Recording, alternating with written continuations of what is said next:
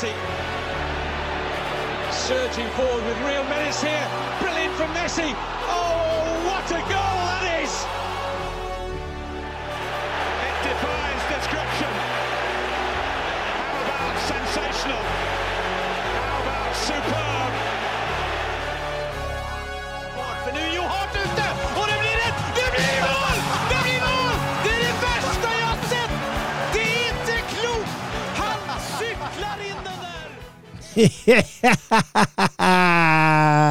Velkommen til episode 154, er det det? 154? Ja, det er det. 154 av den særdeles eh, innholdsrike og populære fotballpodkasten 90 minutter. Jeg sitter her i studio eh, nok en gang med mine to eh, eh, var det støttekontakter vi ble enige om?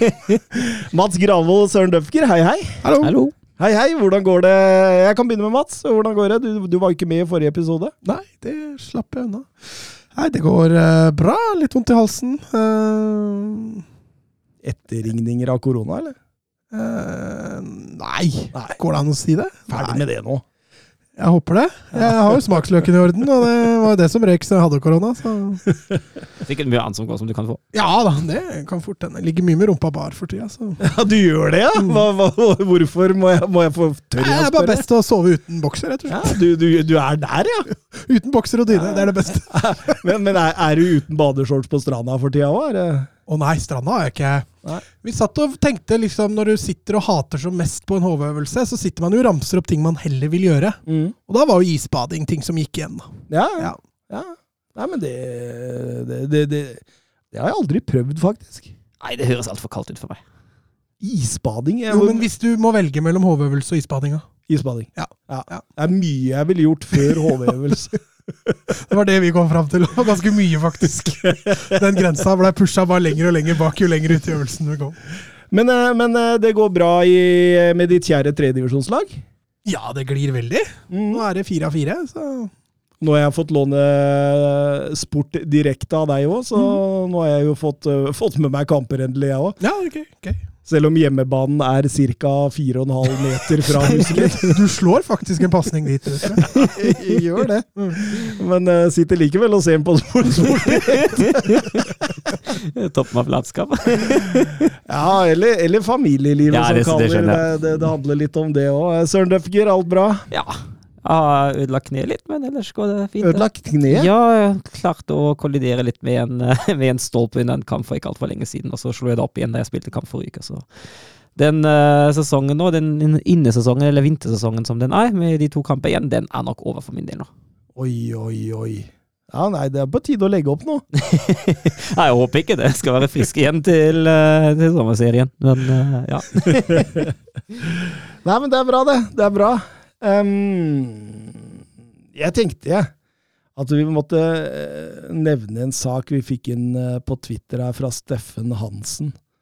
Eh, dere har utrolig peil på talenter og treffer godt med hvem som vil slå igjennom. Hva med å lage en hel episode om de største talentene under 20 år og rangerer dem fra 1 til 30 eller noe sånt? Det hadde vært awesome.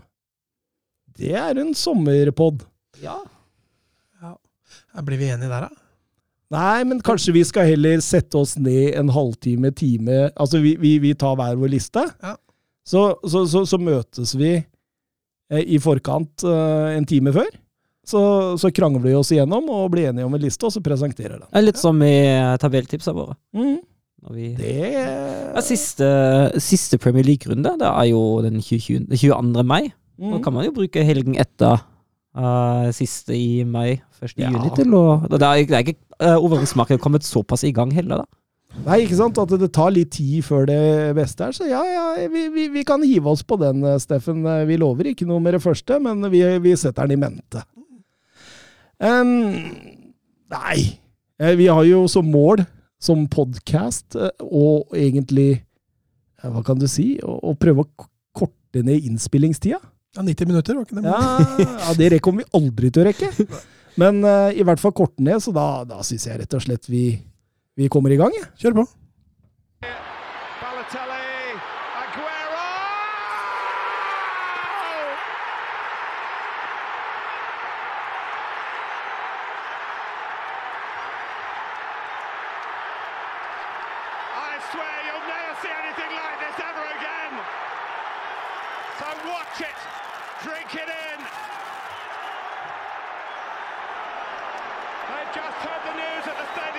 Premier League. Oi, oi, oi. Det er spenning topp, det er spenning i bunn, det er spenning om Champions League, og vi, vi kan jo begynne med, med Manchester City, som den fikk det vel etter hvert ganske greit mot Leeds? Ja, altså det var jo en til slutt fortjent seier, vil jeg si. Uh, vi vil jo også egentlig berømme Leeds for innsatsen, i hvert fall fram til uh, 2-0-målet komme. For jeg syns egentlig ikke Leeds gjør seg noe særlig bort. Så får de to dødballmål i sekken, og så litt som det blir, da. Men uh, jeg syns ikke Leeds spiller en uh, Særlig første omgang spiller de ikke en dårlig kamp. Det er litt rart å tenke på. City er så gode på dødball. Mm. Ganske komplett, eh, komplett lag. Det er et komplett lag, ja.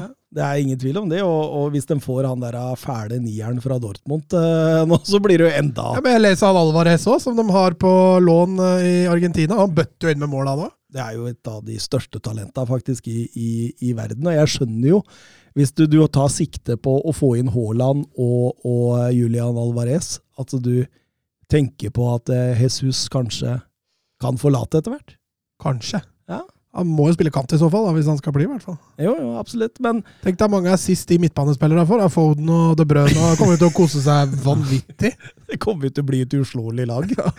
men, men eh, jeg, jeg har lyst til Altså, den vinner 4-0 her, og det er som Søren sier, Leeds er litt inni det, men, men så, og, og, så, så girer de jo opp, og, og, og de stiller jo ganske reserveprega også, på grunn av eh, Champions League-oppgjørene med Real Madrid. Og jeg har litt lyst tilbake til den første kampen. Er det en av de beste kampene vi har sett på lang tid? Ja, et, Eh, og City Real. Med tanke, med tanke på det generelle nivået, altså hvilket nivå de to lagene spiller på, uh, med tanke på underholdningsverdi og de to koblet sammen, vil jeg si absolutt ja. Ja, Nå fikk jo ikke æren av å se den, for da satt jeg langt inne i skauen. Så det, dere får, jeg får bare ta deres ord på det. Ja, det var rett og slett fantastisk. Og, og, og det, er, det er klart det, 4-3 eh, kunne vært 9-3. Altså, den var såpass mye bedre og, og, enn Real Madrid òg, så og, og, og det også Altså, de hadde jo noe feil og mangler, City òg, på bekka der. Altså, vi måtte kjøre Fernandinho som høyrebekk mot uh, Venitius, ikke sant? I store deler av Det, det, det blei jo skummelt, men eh, det- det er voldsomt spennende det Manchester City driver med her nå for tida. Jeg syns det, det ser bunnsolid ut. og Nå sies det jo at eh, Pep Guardiola kommer til å skrive under en ny kontrakt i 2025 også. Ja, Nå har vel Klopp akkurat signert, så da var det å vente bare på Guardiola, da. Man gjør vel det. Det, er, det lå litt i, i, i kortet at de skulle komme nå etter Klopp sin uh, signering. Jeg satt og tenkte på det. Hvor lang tid tar det nå før City er ute og, og sier at Guardiola blir klar uh, med videre? Um, nei, det er strålende det Manchester City driver med for tida. Det er ingen som helst tvil om det. og eh, jeg, jeg, jeg tror nok fort tror nok fort det kan gå mot eh, Premier League-gull, altså. City? Mm. Ja, altså Dette her var en liten snubletråd for City. Nå skal det jo sies at Liverpool klarte sin snubletråd, så De har denne ene, ene, ene poenget forskjell, og så er det jo målforskjell. Nå er jo skremmende likt, da, så det der blir, det blir et slagsmål helt inn, tror jeg. Mm. Ja, for Liverpool eh, De eh, måtte til St. James' Park, og som du sier, da Det er jo en potensiell snubletråd med dagens Newcastle. Ja, jeg vil si det var en ganske stor eh, snubletråd. For det, det var ikke gitt at Liverpool skulle dra dit eh, og, og plukke poeng, for de også sparte jo litt spillere. Eh, så det var en sterk seier totalt sett, og, og en fortjent en, spør du meg. Ja, jeg syns prestasjonen til Liverpool er overbevisende. Eh, I starten tar Newcastle kanskje bitte litt på senga, men etter ti minutter får Liverpool fullstendig kontroll, og da handler egentlig hele kampen kun om Liverpool. Og Liverpool kunne og burde ha skåret flere mål og vunnet høyere. Jeg syns Liverpool har utvikla den delen av spillet som gjør at de ser så mye mer solide ut når de behøver å være solide. Altså, al- altså det, er jo, det er jo ikke fyrverkeriet Liverpool som vinner denne kampen, det er jo solide Liverpool som vinner denne kampen. Og um, i en slags kontrollmodus. og det sier jo, altså 42 seier i alle turneringer denne sesongen. Det er jo bare tre engelske lag som har klart noe lignende tidligere. Så de, de, de vinner jo og vinner, og de er med i FA-cupen. De skal i finalen der. De er med i Champions League. Jeg tror nok de går til finalen der. Mm. Tror det skal mye til for at Villarreal tar tilbake det 2-0-ledelsen der. Så nei, um, det, det ser veldig, veldig bra ut. Og, og, og jeg syns også bredden bredden framme der da, har, har gjort at Liverpool blir enda mer uforutsigbare. Han har enda flere strenger å spille på før. Vi har jo snakka om det tidligere, at den Mané, Salah, Firmino Det var liksom litt sånn Når en av dem var ute, så blei det merkbart. Mm. Nå setter man inn eh, Diaz og Yota. Dere smilte! så, så, så, så det ser veldig bra ut. Men jeg vil snakke om Bruno Gymares fra Newcastle. For en fantastisk innledning han har hatt i Newcastle-trøya. Ja, Alan Shearer så jeg var ute og hylla han også, så det er tydelig at han har funnet sin plass allerede. Uh, alltid litt spenning når disse søramerikanerne skal finne, finne seg til rette i en engelsk spillestil, men han ser ut som har glidd veldig godt inn. altså. Arbeids, arbeidsom, liksom duellsterk, god radius. Ja, og I tillegg har han faktisk klart å produsere fem målpoeng i løpet av 14 kamper, og det er jo en styrke det òg, med tanke på hvilken spilletype han er. Ja, for det var jo ikke det man forventa han, Nei. først og fremst. Det var jo en destroyer, ikke en uh, maker. Mm. Um, Oskar Carveio Holm på Twitter. Se på kampprogrammet til City og Liverpool og angi prosenter på hvem som vinner Premier League. I utgangspunktet 50-50 når jeg så på det, men, men det med at City har det forspranget de har, så tenker jeg det er en fordel City. Jeg tenker 75-25, egentlig. Altså hvis du ser City Vi var jo så vidt innom det forrige uke. City har nå Newcastle hjemme, Wolves og Westham borte og Villa hjemme. Og, West, altså, West borte blir tøff. ja, Wolves borte er ikke en uh, morsom kamp, den heller. Nei, Men, det er to snubletråder, der. men jeg Wolverhampton er i fryktelig form nå. Ja, det er, og det er sant. Så jeg, jeg tror jo egentlig ikke at City avgir poeng. Men altså, det er fotball, kanskje, for all del. Men uh, jeg mener at City er favoritter, ganske klare favoritter i alle de fire kampene de går inn i, og jeg tror ikke at de har fire poeng. Nei, og det, det kan fort være at Liverpool også står igjen med tolv poeng på disse fire Ja, kampene. det blir jo litt-. Det blir jo litt avgjørende nå neste helg, da. Når City tar imot Newcastle og Liverpool spiller mot Tottenham. Og hvis Liverpool skulle avgi poeng der, og City vinner mot Newcastle, da tror jeg det blir ganske tøft for Liverpool resten av sesongen. Den da kan, kan ha litt avgjørende karakter. Men skulle Liverpool vinne resten av sesongen, altså, så kan de risikere å havne på 94 poeng og ikke vinne li- ligagull. Det, er- det, den er tøff. For tre år siden så havna de jo på hva var det da? 5 eller 96, var det ikke noe sånt var da? noe sånt noe. Og ikke ble seriemestere. Det, det sier jo litt om disse to laga da, Mm. så, som kniver i toppen der. Og Nei, veldig, veldig spennende. Jeg, jeg, jeg, også, jeg, også faller nok på en sånn prosentandel på en sånn 65-35, kanskje. Eh, og, og, og det handler mye om at jeg ikke ser eh, City tape noe poeng. Jeg klarer ikke helt å se det. Nei, altså nå, nå blir de jo på en måte ferdig med Champions League i midtuka, så da kan de konsentrere seg helt om Premier League de fire siste kampene. Eh, Så jeg også holder en, holder en god knapp på, på City. Jeg er litt mer tilbakeholden, jeg, for jeg syns Liverpool har vært imponerende. Jeg, de også kan spare seg Kommer ikke til å spare seg, selvfølgelig, men de også kommer til å kvale til finalen i Champions League. Men de har en FA Cup-finale mot Chelsea. Ja, Men det også er jo helt på slutten av sesongen. Det er jo Nei, den er, den er mellom, eh, Mellom mellom Villa Villa og Southampton. Mm. Ja. De har, ja, de har, den, ja, det taler litt imot. de Ja, har, de har faktisk De har tett kampprogram nå. De har Villarreal nå på tirsdag i morgen. Og så har de eh, Tottenham på lørdag. Og så er det Esten Villa borte på tirsdag. Så er det Chelsea på lørdag igjen. Og så er det 17. mai er det borte mot Southampton. Så det er litt uh, tett nå. Ja, nei, da øker det litt. Ja. Nei, 65 da til uh, City. Ja. Um, et uh, Eller lag nummer tre, da. Chelsea. De var på tur til Liverpool for å møte Everton. Um, liten, rask tur innom Mercyside der, og det skulle bli tøffere enn eh, mange ville tro. Jeg, jeg, jeg føler Everton fikk den kampen litt inn i sine spor. Med tanke på hvor omkjempet og oppstykka den egentlig var. det var en plan. det var det. Det var det. Det var nok det. Det var, de var, det var litt, sånn, litt sånn det samme som mot uh, Liverpool. Det var, det var harde dueller, det var lite flyt, og det var eh, veldig sjansefattig, i hvert fall i første omgang. Det Det var en Pickford som bestemte seg for at uh, ja, I andre omgang, ja. ikke skulle slippe inn noe mål i den I andre omgang var han helt enorm. Altså Når du har en Aspiloketa på andre sida som uh, Ja, det absolutt.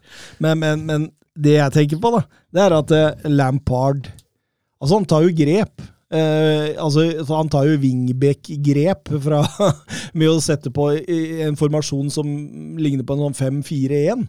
Hvor han liksom skal ta ut wingbackene til Chelsea, og, og man har på krigere. og det det er, det, det er åpenbart at han har satt seg på tegnebrettet, eller ikke på, men ved tegnebrettet. Satt seg på tegnebrettet og tegna på stolen, da. Og så har han stilt seg spørsmålet hvordan kan jeg ødelegge for Chelsea? Det er jo det han har gjort. Og det, det, det var jo kun ødeleggelser, dette her. Og, og du så jo Chelsea var ganske frustrerte til tider der, fordi det var jo ett lag som ville spille ball, og så var det ett lag som ville ødelegge. Og når Rikarlisson setter den 1-0-skåringen der, da, så er det Du får jo en ny energi inn i laget òg, ikke sant. Og det, Altså, kan du, ikke, du kan ikke holde dette mot Everton heller, på en måte, fordi de spiller Nei, de om tilværelsen. Så. de må jo. Jeg er helt enig. Det, det, du, du kan ikke forvente noe annet. Men det gjør jo snart Chelsea òg, på en måte, hvis du skjønner hva jeg mener. Mm. Nå er de jo plutselig på Nå er plutselig Tottenham og Arsenal på skuddhold. Ja, fem poeng ned til Tottenham på femte. Tre til Arsenal. Det er fortsatt fire kamper igjen. Ja, det er det. Det er Og Chelsea sin form har variert. Den Ja. varierer nå, altså. Den gjør det. Men vi, vi må trekke fram Pickford Ja, sin redning. Den, den da, den er jo Altså, den, den han har Hvem er det stolpen Kuwaita som skyter der? ja. Ja. Den er, den er Først sterk. stolpe, stolpe ut fra Mount, og så er han tilbake igjen der og henter den. Den er, den er så sterk. Det er så enormt en redning av deg. Du ser minuttet etter, så redder han jo med trynet på, på, på, på kloss hold fra, fra, altså fra godeste Rudiger òg, så det er jo åpenbart at det, altså det er jo en Pickford bak, og så er det et knallhardt, lojalt sammensatt lag som liksom på en måte har gått ut med ett eneste mål. Og det er å ødelegge. Og det er, det er, det er jo der man Det er jo som du sier, Mats. Det er som du sier, at det, det var jo det de måtte. Det er jo det, Du kan ikke holde det imot dem. Nå må de overleve. Det er pri én. Og det blir veldig, veldig spennende å se. Um, Everton har igjen eh, Leicester borte, Watford borte, Brentford hjemme, Crystal Palace hjemme og Arsenal borte, så det, det bør jo være mulig å ta litt poeng her. Det er mulig, men det er tøft med tre bortekamper. Ja, for all del. Ja, for hengekampen deres er bortekamp. Mm. Mm. Um, Torjus Hansen på Twitter om Everton overlever dette eller ei, bør Frank Lampard få fortsette neste sesong? Det er litt sånn spørsmål med tanke altså, Jeg ser jo egentlig ikke i hvilken grad han eh, ønsker å utvikle dette. her. Jeg føler at, som du sier, Thomas, han har tatt litt mer grep nå. Eh, Everton opptrer nå virkelig som et man kan si egentlig klassisk bunnlag, eh, som kjemper om de poengene de trenger å ta. Men jeg ser ikke hvordan den Frank Lampard-stilen kan få Everton opp igjen. Altså. Jeg gjør ikke det. Nei, Jeg har heller ikke sett noe tegn til at han har imponert noe sånn veldig. Nå har han jo ikke vært der veldig lenge, men, men han, måtte gå fort, ov- han måtte gå fort vekk fra sin Mm. filosofi, da. Ja, det er akkurat det. Han fikk det ikke til for å kunne få Everton til å, til å kjempe om de poengene de virkelig trenger for å overleve. Og det, det lover jo ikke sånn veldig bra, for han hadde jo tid Mm. til å bygge dette her. Og så må nå, de siste kanskje seks-sju kampene da, som er igjen av sesongen, så må den vike fra det. Og så må den kjøre knallhardt på en langt mer destruktiv stil for å sikre nødvendige poeng. Og det tenker jeg ikke da, det, er da, det er ikke der Everton skal være. Nei, det er det jo ikke, men, men Ja, altså At de gjør det nå, det forstår jeg, for nå handler det om å overleve. ja, Men du og skal, de, du skal Det er ikke Lampard sin skyld Nei. at de er der aleine, men jeg tenker jo det at uh, det er nok vanskelig for Everton Har han kontrakt neste år? Ja. Jeg tror ikke han får fyken. Nei. Jeg tror det er for tidlig. Mm. Vi kan også nevne at eh, Chelsea er i ferd med å bli kjøpt opp eh, av eh, Todd Bowley. En, Kan United-supporter? ja, det var, har du lest det? Ja, det var en som tvitra det. At, eh, Ok, ok, ok. Nei, han har allerede i 2019 hatt et bud på Chelsea, da, åpenbart. Og han er vel også eier av baseballaget Los Angeles Dodgers, og skal i Forbes være god for 4,75 billioner euro. Så det er selv om de mister en riking, så, så får de vel en ny en inn, eh, Søren Dupker. Ja, det ser, det ser jo litt sånn ut. og Det spørs i hvilken grad han øh, ønsker å drive klubben sin, da. Det veit man jo aldri på forhånd. Nei, og disse var amerikanske han amerikaner, ja? ja? Nei, da er ikke han United-supporter. Nei. Nei, altså, altså, men ja. øh, vi har jo sett amerikanere før i Premier League-klubber. Det har jo ikke akkurat vært, alltid vært en stor suksess. Det har jo gjerne vært litt businessprega. Ja, du, har- du har jo fått eh, amerikanere, eh, som du sier, businessprega i Manchester. Men så har man også fått noen som skrytes opp i skyene i Liverpool, f.eks. av Jørgen Klopp. Som er ikke han i Arsenal amerikaner, da? Det var cranky, ja. Han skrytes jo ingen veier. Nei, han gjør ikke det. Men, men, men, men Klopp, da? Eh, Hvordan han på en måte altså, Det, det virka nærmest i intervjuet hans etter han hadde signert, at det, det er en stor del av det. Eiera, liksom. Så, så åpenbart eh, kan dette bikke alle veier. Ehm, så må vi ta den fjerde Champions League-plassen, da. Det blir en durabelig kamp, eh, sannsynligvis mellom Arsenal og Tottenham. Og, og Tottenham de fikk besøk av et reserveprega Leicester, som var mest opptatt av Conference League. Ja, det er forståelig. Da står de i semifinalen. Spilte vel uavgjort mot Roma i uh, første og har jo alle muligheter til å nå finalen og vinne tittelen. Og det hadde jo vært uh, største suksessen denne sesongen her. Som ikke har vært lett i Premier League for, for Leicester. Men likevel, da. De klarer å stille et ganske bra fotballag på beina, selv om de hadde bytta ut en sju-åtte av spillere. Voldsomt imponerende. Eh, sier jo at Leicester har fått et, eh, en bred og god stall, dette her. Ja, det er, men det er litt synd at de har så mye skader og sånn at de ikke får De får liksom aldri fått kommet i gang, dem. Nei. Og Wardy har vært ute mye nå, han er jo viktig for dem. mann Ja, Ndidi også har vært mye ute, og, og um, Hva heter det? Wesley Fofana har jo nesten ikke spilt noe. Altså, Masse problemer på bekkene med Ja. Pereira og, og ja, er James Justin og Mm. Nei, det, er, det er veldig synd at ikke de har fått lov å komme i gang, for, for der tror jeg de har vært noe uforløst. Så hvis de greier å få fysikken i orden til neste sesong, og ikke må selge unna fordi de nå ikke klarer noe i Europa, det, da blir Leicester tøffe, tror jeg. Ja, Derfor Conference League blir så viktig. Fordi Hvis de vinner Conference League, får de, vel den Europaliga-plassen. Ja, det gjør de selvfølgelig. Ja. Absolutt. eh, Tottenham eh, Samme med Westham, hvis de vinner Europa League. Da får de Champions Da kommer de til Champions League. Det er et styrketegn for resten av Europa, eller? Nei. Vi får nå se. Jeg tror, jeg tror fort Westham kan ryke i Frankfurt. Ja, jeg tror også det, Den bortekamp mot Frankfurt, særlig når det er Europacup-kamp, Europa den blir knalltøff. For de må jo hente inn, uh, hente inn mål også. De må hente inn 2-1. så de, Ja. altså, de, de hadde jo uflaks som tapte 2-1 der. De var klart beste laget, men, men nå står det det, og du veit jo eh, Frankfurts eh, kontringsstyrke. Og, Ja. og, så det, nei, det, det kan bli tøft for Westham, det, men Det sa vi før Lyon-kampen òg. vi gjorde det. Eh, Tottenham riktignok eh, Ja, du kan jo si de hadde full kontroll her. Stort sett. Ja, stort sett sliter litt I første omgang sliter litt med det vanlige, som vi har snakka om. Sliter litt med å skape det helt store. Ta en uh, dødballskåring av Kane, men uh, Nei, men nei, men når du glemmer å sette opp Kane på dødballer Ja. imot Hvor tjukk i huet er du ikke da? Ja, men Jeg skjønner ikke hva som skjedde der. jeg. Nei, gjerne, han får stå helt aleine innafor femmeteren! Og Leste over hele kampen har jo en XG på 0,27. Og det viser jo hvor god kontroll Tottenham har bakover. Harry Kane skårte sitt 17. Premier League-mål på 14 oppgjør mot Leicester. Det er kun Alan Shearer i Premier League-historien som har flere mot én motstander. Han hadde 20 mot Leeds. Så det, det, det sier litt altså, om uh, dette Leicester. Jeg får håpe for Kane sin del at de ikke rykker ned, da, for da stopper tallyen. Ja, Hoeng Min Son, eh, to uh, fine mål. Den tredje var, Ja, det jo var en den- perle. Nydelig. Herlig skåring. glass og rammeskåring. Ja. Før eh, i en Nacho satte 3-1 eh, som et trøstemål, og da, da vant Conte sin 65. seier på 100 Premier League-kamper som manager. og eh, Det er like mange som Manuel Pellegrini, og kun Pep Guardiola og José Mourinho som har eh, flere på sine første 100 kamper. Så Det er ganske sterkt, og i løpet av de siste 16 Premier League-kampene har Tottenham skåret i 11 kamper og gått målløs av banen i fem. Tross hele fem målløse kamper er det fortsatt det laget som har skåret flest mål på disse 16 Ja, kampene. men jeg, jeg, jeg, syns, det er så passe Tottenham og Conte-statistikk. For nå, jeg, nå, Spurs først tar ledelsen og leder, leder en kamp, og utnytter de overgangene, jeg tror det er Premier Leagues beste lag på akkurat det der. Det tror jeg òg. Får de med tidlig mål, så er mye gjort. Skårer han først generelt, da.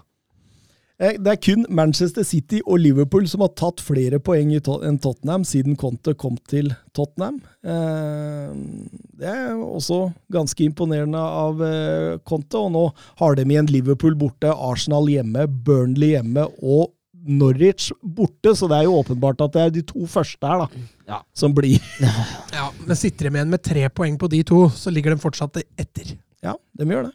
Så um, De må ta, de må ta poeng, altså, mot uh, ja, Taper de mot Liverpool, så må de slå Arsenal. Ellers så er de don. mm. Så, så, så det blir spennende, dette her, å se. Det, det, det, det kan nok fort bli spenning helt inn her.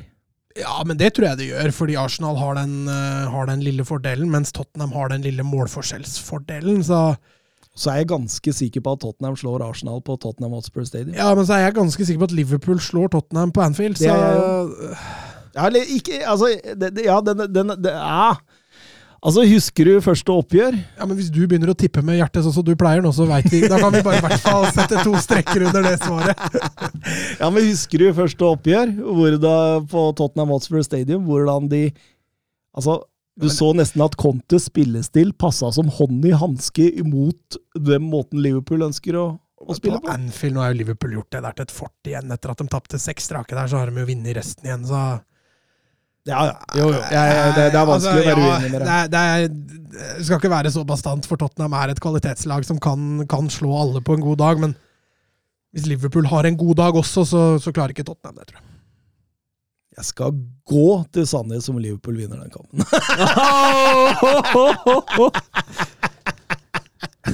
okay. Men kan du ikke sykle til, da? Gå hjem? Eh, Petter Støvland på eh, Twitter. Christian Romero helt enestående igjen. Hvordan rangerer dere verdens beste midtstoppere under 25 år? På én har jeg, har jeg Rom Diaz. Han er, han er 24 år. Han er for, for han er for meg nummer én. Han er det. Altså, det, det er en liten luke ned, det føler jeg. Det er vel vanskelig å argumentere mot det. Mm. Det er det. Ja, det er det. Men jeg tror også Ronald Arrojo fortjener en plass høyt oppe på den lista. Det likt. Altså, han har vel kanskje ikke prestert der, men at han har potensial til å til å bli en, en topp, topp stopper, det, det er vel liten tvil om. Og Romero bør jo, etter det han har gjort denne sesongen, bør vel kanskje nevnes i den uh... Kondé. Ja, Kondé. Ja. Det er også et godt uh, alternativ. Så har Bas Bastoni? ja, Bastoni, så hadde også Militao, som har kommet Men, men, men, men, men for å rangere dem, Opa Mikano har vi vel også inne i bildet der. Ja. Kon- Eh? Nei, nei. Jeg veit ikke, jeg. Så, så, så syns jeg i forhold til de vi nevner der, da, så blir det et lite hopp mm. til de neste. Til Guardiol, Båtmann, Konaté. For faen, jeg, jeg synes det er Konaté også. Men hvis vi skal rangere, da. Dias første. Mm. Hvem har vi på andre, da? Jeg Jeg, jeg, jeg, jeg, kan godt sette Christian Romero der. Jeg tenkte mest Jules Condé. Han har vært dårlig denne sesongen. Ja, han har Ja, det. det, nettopp det, det sitter litt i Ja. den sesongen her. Ja. Jeg kan være enig med Romero, Arojo, Kondé og Kondé er nummer fem, i så fall. Ja, for jeg, da, da tror jeg, jeg Ja.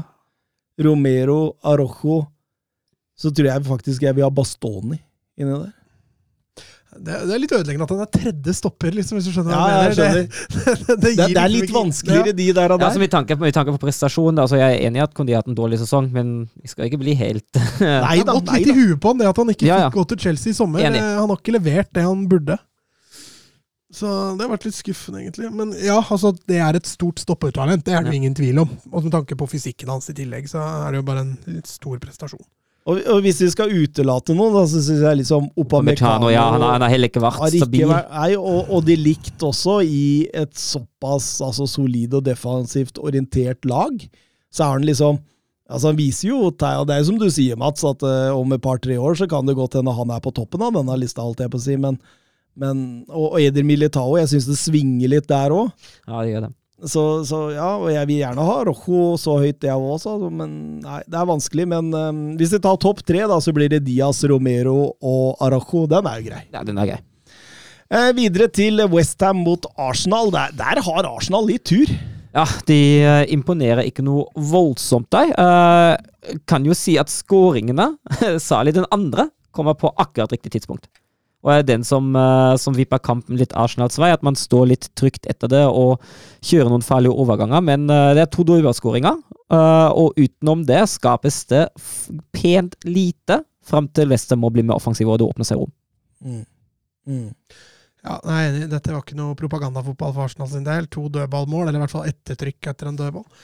Så Men, men de skal ha for at de forsvarer seg inn, og de, de er langt unna skadefrie nå, Arsenal. Og at de da fortsatt plukker poeng. De har jo slått Chelsea nå, de har slått United. De, de slår Westham nå, som også er et topplag. Så det er et styrketegn også da, at de vinner med en såpass redusert tropp eh, på en dårlig dag. Ja, og så syns jeg Husker du når de tapte et par-tre kamper på rad her, så snakka vi om balansen i laget etter at Party ble ute, at det ja. Og der har Arteta tatt grep. Og, og, og selv en såpass svak spiller som eh, Mohammed El-Neni, da. Ja, Ser plutselig ut som en million, da. Ja, ser, ser ut som han går inn og tar den balansen sammen med Sjaka. Han flytta Sjaka opp igjen, han har skjønt dette her, og han har begynt å ta poeng. Så det, det er jo en Arteta her som skjønte ok, her gjorde jeg et feilgrep, og nå retter jeg det opp igjen. I tide. Og Nei, det, det, det, det står respekt av det Arsenal gjør her. og det, er jo grinding. Vi grinder jo mot Westham på London Stadium, og det, står i respekt av, det. Um, Arteta mente etter kampen at uh, absolutt alt er åpent. Uh, han ville ikke si at det kun var en duell mellom Chelsea og, nei, Tottenham og Arsenal, men at Chelsea også er inne i bildet der? Ja, Chelsea har et litt lettere kampprogram, uh, men de har noen altså Borte mot Leeds, desperat Leeds blir jo ikke lett, men Nei, De har tre av fire hjemmekamper de siste nå, ja, og det hjelper jo litt. Ja, så har de Watford igjen, blant ja. annet, hjemme. og sånn. Det er sikre poeng. Uh, så det skal litt til for at Chelsea detter ut ja, altså topp fire. Altså. altså Arsenal kan muligens gå forbi Chelsea, det er bare tre poeng, men at både Arsenal og Tottenham gjør det, særlig fordi også Arsenal og Tottenham har et innbyrdes oppgjør igjen, det kan jeg ikke se, altså. Nei. Nei, jeg er litt enig. Det, det høres ut som en, en, trener som på en måte vil legge byrden litt andre steder enn ja. der det nødvendigvis er. da. Men det som er greit, er at de i hvert fall rista av seg alle de andre som hang litt med for et par matcher siden. Nå er de helt borte. Så nå, nå står det egentlig mellom Arsenal og Tottenham om den siste CL-plassen. Og for et oppgjør det kommer til å bli på Tottenham Hotspur Stadium om et par uker. Torsdag 12. mai, den er det bare å holde av. der kan det koke, der.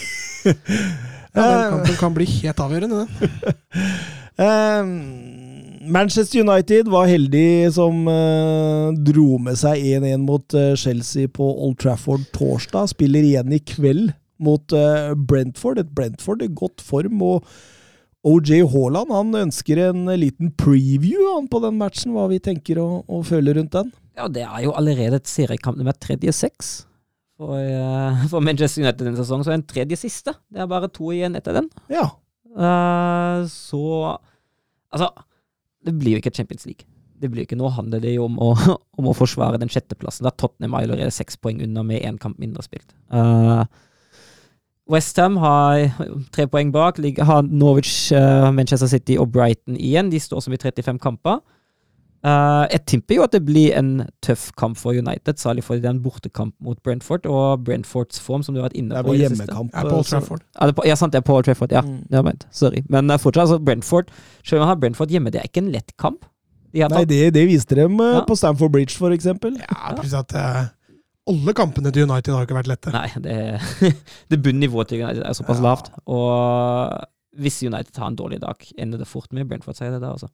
Ja, for jeg, jeg, tenker faren her Det ligger i at Brentfords entusiasme, krigerinstinkt og vinnervilje da, på en måte trumfer Manchester Uniteds kvaliteter. Og jeg, jeg tenker jo liksom at, det, at det, dette er en sånn kamp Det kommer til å bli Jeg tror det kommer til å bli jevnt. Uh, jeg tror ikke Manchester United kommer til å få voldsomt mye sjanser. Og, og så, så, handler det litt om hvem som på en måte setter sjansene sine. Eh, jeg jeg syns kampen er helt åpen. Helt åpen. Eh, men litt morsomt. Eh, hva var det jeg så? Jo, Brentford har ikke tapt på sine siste tolv mandagskamper, mens Manchester United har vunnet én av de siste sju på mandager. så, så da kan Gjør du den researchen når du tipper på hovedkampen nå, eller? Uh, nei. nei, det gjør det, gjør ikke. nei, men jeg leste det et sted. Okay. Uh, det var ikke akkurat nå at jeg satte meg ned og, og tenkte men, men, For der bare slenger ut et resultat, ja, der, der, tenker jeg ikke mye, for å si det sånn. Og det verste er at han fjompen ved siden av meg, han følger jo på hver gang.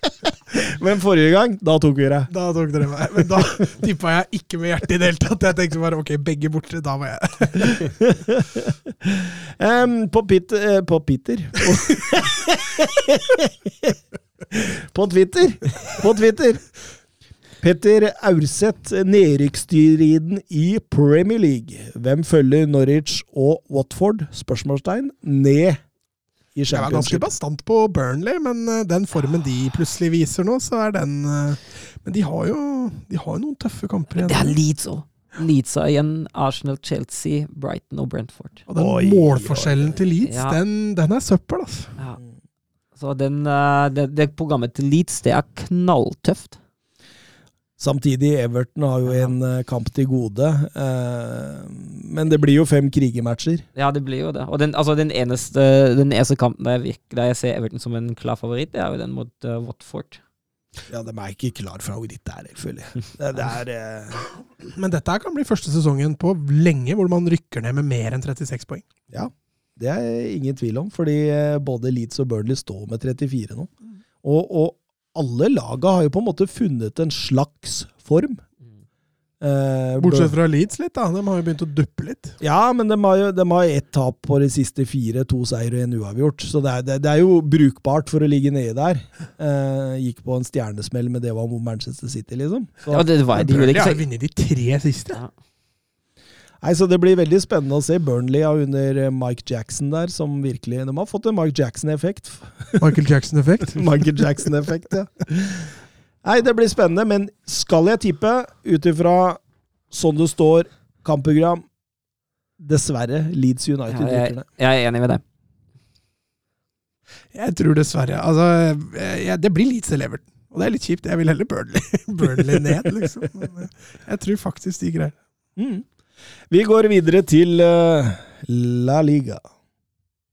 Ja cap a la dreta para Xavi, assistència de Xavi més cap a dreta per Messi, Messi, Messi, Messi, Messi, Messi, Messi, Messi, immens Messi, encara Messi, encara Messi, encara Messi, encara Messi, encara Messi, encara Messi, encara Messi, encara Messi, encara Messi, encara Messi, encara Messi, encara Messi, gol, gol, gol, gol, gol, gol, gol, gol, gol, gol, gol, gol, gol, gol, gol, gol, gol, gol, gol,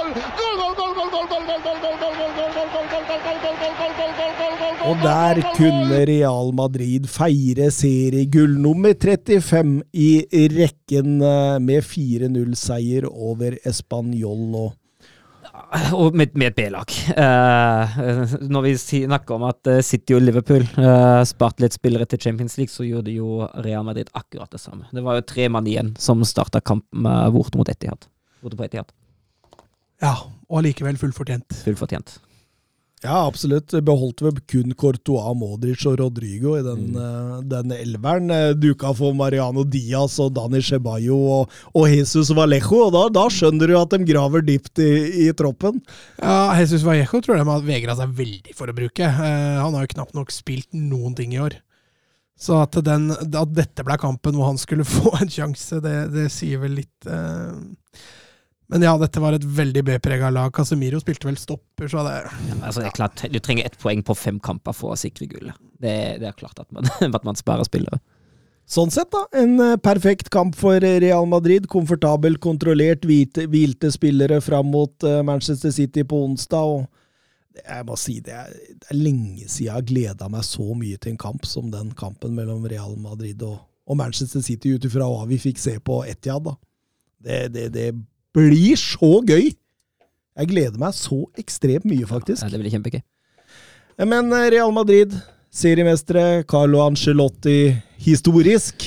men, men han vurderes ikke som topp ti-manager. Nei, Nei, det gjør ikke det. Nå, nå drar du den veldig langt der. Det var Nei, vel topp- husker det var vel topp fem vi Ja, vi kåra, ja, men du Nå, sa- Nåværende topp fem kåra vi. Ja, ja, men du sa veit du hva, jeg hadde den ikke på topp ti-lista med en gang, sa du til meg. Ja, det kan godt hende jeg sa det. Ja, da, Derfor sa jeg vi vurderer den ikke topp ti. Men Men jeg, jeg synes jo, altså Vi har snakka om det så veldig ofte, men jeg syns det er en sesong som bærer preg av at Real har individuell kvalitet til å vippe de uh, jevne kamper i sin favør. Ja, det er jo som dere har sagt før, altså du kan putte hvem som helst mellom Courtois og Benzema, og så vinner man, liksom. Det ja, og jeg, jeg, jeg føler dette er et seriegull som på mange måter de har blitt servert uten noe særlig kamp, egentlig, Mm. fordi alle andre har svikta bak dem. Da. Jo, det kan man jo for så vidt si, men, men hvis Real Madrid nå da skulle gå hen og vinne tre av de fire siste, så får de 90 poeng. det blir man som regel seriemester med. Så ja, men avstanden ned er jo veldig stor, så at man da kan kåre en seriemester allerede Går av det jo faktisk i april, det er ikke så Det er ikke så ofte. Så du det lille sparket til siden Courtois hadde mot Barcelona der? ja. Han sa at noen eh, feirer eh, El Clásico-seier som eh, om de skulle ha vunnet ligaen. ja, det er lett å si det fra sin høye hest. Men, men, men samtidig, da, det, det, det er jo et Real Madrid som på en måte har kontrollert inntil av Liga-gull. Ja. Det, altså det, det har jo liksom ikke vært noe tvil i lang, lang tid. Altså, du hadde et Sevilla-lag som du liksom ja, men Det var mer håp Mm. enn en tro på at de kunne, kunne følge. Opprettholde spenningen. Eh, Så det, det, det er jo klart det at det mm, vi, vi bare venta på at dette kom til å skje, og gratulerer til Real Madrid. Vel fortjent, for all del. Mm. Em, ble spurt på Twitter for en stund siden André Solberg, og fikk også et Twitter-spørsmål fra Vebjørn Fredheim om det samme her. Rodrigo-gjennombrudd à la, la Vinicius på gang? Ja, altså, han har nå de siste seks offisielle kamper for Real. Så har han stående med fire mål og to assist, og det er jo sterkt. Og han skårer jo nå de første to altså mot uh, Español, men jeg har lyst til å vente litt uh, før man konkluderer med det. Resten, hvis man tar vekk de siste seks, da, så står han med én assist i hele 2022. Og det er ikke, det er ikke voldsomt mye å, å skryte av. Uh, men det er klart, hvis han nå har begynt å komme seg og finne litt formen, uh, og begynne å involvere seg mer og først og fremst smartere enn det han har gjort tidligere, så skal man ikke se bort ifra det. Han kommer til å bli bra, men la oss si Real Madrid får en Bappe nå, da. Da er han jo ute av laget. Da. Da får han jo enda mindre spilletid. Eh, så det avhenger litt av hva Real Madrid har i stallen neste år, og hvem han må konkurrere med, for han, i likhet med Venitius, fikk jo voldsomt med tillit på tross av dårlige prestasjoner. Mm. Og den samme tilliten må jo Rodrigo få hvis han skal utvikle seg. og det, Med en Bappe i Real Madrid neste år, så tror jeg han får det. Ja, For de kom vel omtrent likt i Real Madrid, disse to? Ja, Rodrigo kom vel et halvt år eller et år Ja, seinere. det var vel den ene fra Santos og den andre fra Flamenco, så vidt jeg husker det. Mm. Og Begge ganske dyre. ja, 350 millioner, 400 millioners-klassen, var det ikke noe sånt Det var nesten en milliard for begge to til sammen. Mm. Og, og, og du kan jo si det sånn også, da, hvis vi skal først skryte litt av Carlo, Don Carlo Ancelotti, at det, er jo to fortapte sønner eh, fra skyggenes talentdal Ja, han får, får fram her nå, da, i så fall. Og jeg, jeg tror, altså, når det er sagt, da, jeg tror jo ikke at uh, Vinicius og heller ikke Rodrigo, Rodrigo, hvis det nå går riktig retning, hadde utviklet seg lik under Zidane. Uh, for Ancelotti har en helt annen taktisk klokhet enn det Zinedine Zidane har. Mm. og ha mulighet til å gripe litt inn og få spillerne til å utvikle seg taktisk, og, og på det punktet når det gjelder å ta avgjørelser og gjøre det riktige. Ja, helt klart. Jeg tror nok han har eh, en større forskjell på akkurat det med å, med å utvikle både spill og spillere enn det Zinedine Zidane eh, har. Det, det, det, det, vil jeg tro. Men eh, vi, vi, eh, Marcelo eh, var vel den Real Madrid-spilleren gjennom tidene nå som er høyest dekorert med flest titler. Uh, i, Det er korrekt. og nå forlater han vel? Var det 25 eller var det 27 titler? Jeg husker ikke. Jeg tror det var 25. Ja. Ja, Mm. Uh, ja nå, er, nå er det slutt, og det var vel en grei måte å, å runde av den karrieren på. Har hatt en fantastisk Real Madrid-karriere og en, og en vanvittig artig bekk å se på når, når han er i form, og når han var på sitt beste. De to siste årene har dessverre vært preget av at han, han ikke lenger holder mål, og kanskje greit å kalle det, kalle det slutt nå som han uh, avslutta med det. Overgår han Roberto Carlos? Nei. Nei. De eldste er fortsatt best. ja. Men Roberto Carlos hadde jo altså Det nivået Roberto Carlos hadde, er jo helt Ja, hvis du ser sykt. på ferdighetsmessig, Ja, så syns jeg Marcelo matcher det. Men ja. han, han, han, Roberto Carlos hadde jo en X-faktor Mm. som Marcelo Det er nesten ingen andre som har hatt den X-faktoren som, som Roberto Carlos hadde. Marcelo kanskje bedre teknisk? Ja, det var det jeg skulle fram til. at sånn Teknisk så holder jo ikke Marcelo noe tilbake for det Men- Roberto men- Carlos gjorde. Defensivt altså nå, nå var jeg jo yngre, da. Så det kan hende at jeg husker feil, men jeg mener at Roberto Carlos var klart bedre defensivt enn eh, Marcelo. Ja, i hvert fall i de senere år. Ja, taklingsspillet til Mm. Carlos var enormt, husker jeg. Han, han var en god taklingsspiller. Litt sånn som Van Bissaka, da, bare med alt det andre. Eh, men, men Marcelo offensivt med ball i beina, det, det var, kunne jo være Han kunne jo ordne det på egen hånd. da. det var jo en del kamper der han, der han nesten så ut som en venstre ving. som venstreback. Han kunne jo fint se ut som en indreløper innimellom nå. Han skar gjennom mellom stopper og, stopper og bekk. Deilig, deilig. Eh, Barcelona på den, sin side, de eh, Ja, de, de, de, de gikk og tralta mot, mot Mallorca. Det er, det er liksom Selv om de tar poeng eh, Nei, tar tre poeng her nå, og sånt, så eh, De er vel ikke i sin beste form? Nei, det, det virka som det kom en knekk etter eh, El Clásico, etter at de ble slått ut av Europa League. Da, da har de, de har virka ferdig, rett og slett. Og nå virker det som de bare må ta seg sjøl i nakkeskinnet for å fullføre sesongen, sånn at de i hvert fall ikke går glipp av Champions League. Nå tror jeg ikke de gjør det, for laga rundt dem dropper jo poeng, dem også, så det, går nok bra, men, men Altså Periodevis mot Mallorca er det underholdende og gøy å se Barcelona, og så er det perioder hvor du bare Nå er det Marcos Alonso det er bare, Nå er de i gang igjen, og da mist, du mister litt motet, da. Ja, helt klart. Helt klart. Eh, Litt eh, opp og ned, ingen tvil om det. Mm, Har jo god kontroll stort sett gjennom hele kampen. Ja, men de ødelegger for seg sjøl. Ja, Det er det de har gjort i hele år, omtrent. Ikke sant? ikke sant? Så det, og gjør det veldig spennende mot slutten der, selv om øh, Jeg følte vel aldri de tre poengene var helt trua. Nei, jeg føler, altså jeg føler jo i den perioden mellom 70 og 80, da kommer Mallorca litt, og så skårer de 2-1, og så kan man tenke oi, ja, det er litt sånn spennende. Men etter at de får 2-1, viser Barcelona faktisk en god reaksjon. Jeg syns de kontrollerer det inn etter det. Og den, altså det er jo en styrke, det òg, etter at man har fått, uh, fått en inn, og særlig med tanke på at man har tapt de siste tre på kamp nå nå. Uh, og vise en reaksjon og vise at ok, nå roer vi ned, og så kontrollerer vi dette inn til tre poeng likevel. Tre strake tap på kamp nå. Det har vel ikke skjedd siden 90-tallet? Nei, og i, I løpet av én sesong uh, var vi jo innom forrige episode, og da er det jo rekord. Det har aldri skjedd i løpet av én sesong at man taper tre strake på kamp nå. Ja, der ser du. Da skjedde det før 90-tallet. Spotify, kamp nå.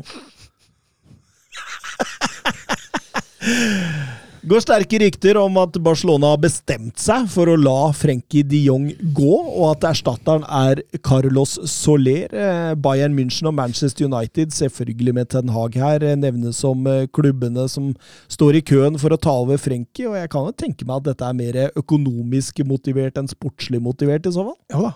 Og det, så, det gikk jo kjempebra når man gjorde det med Arthur og Pjanic.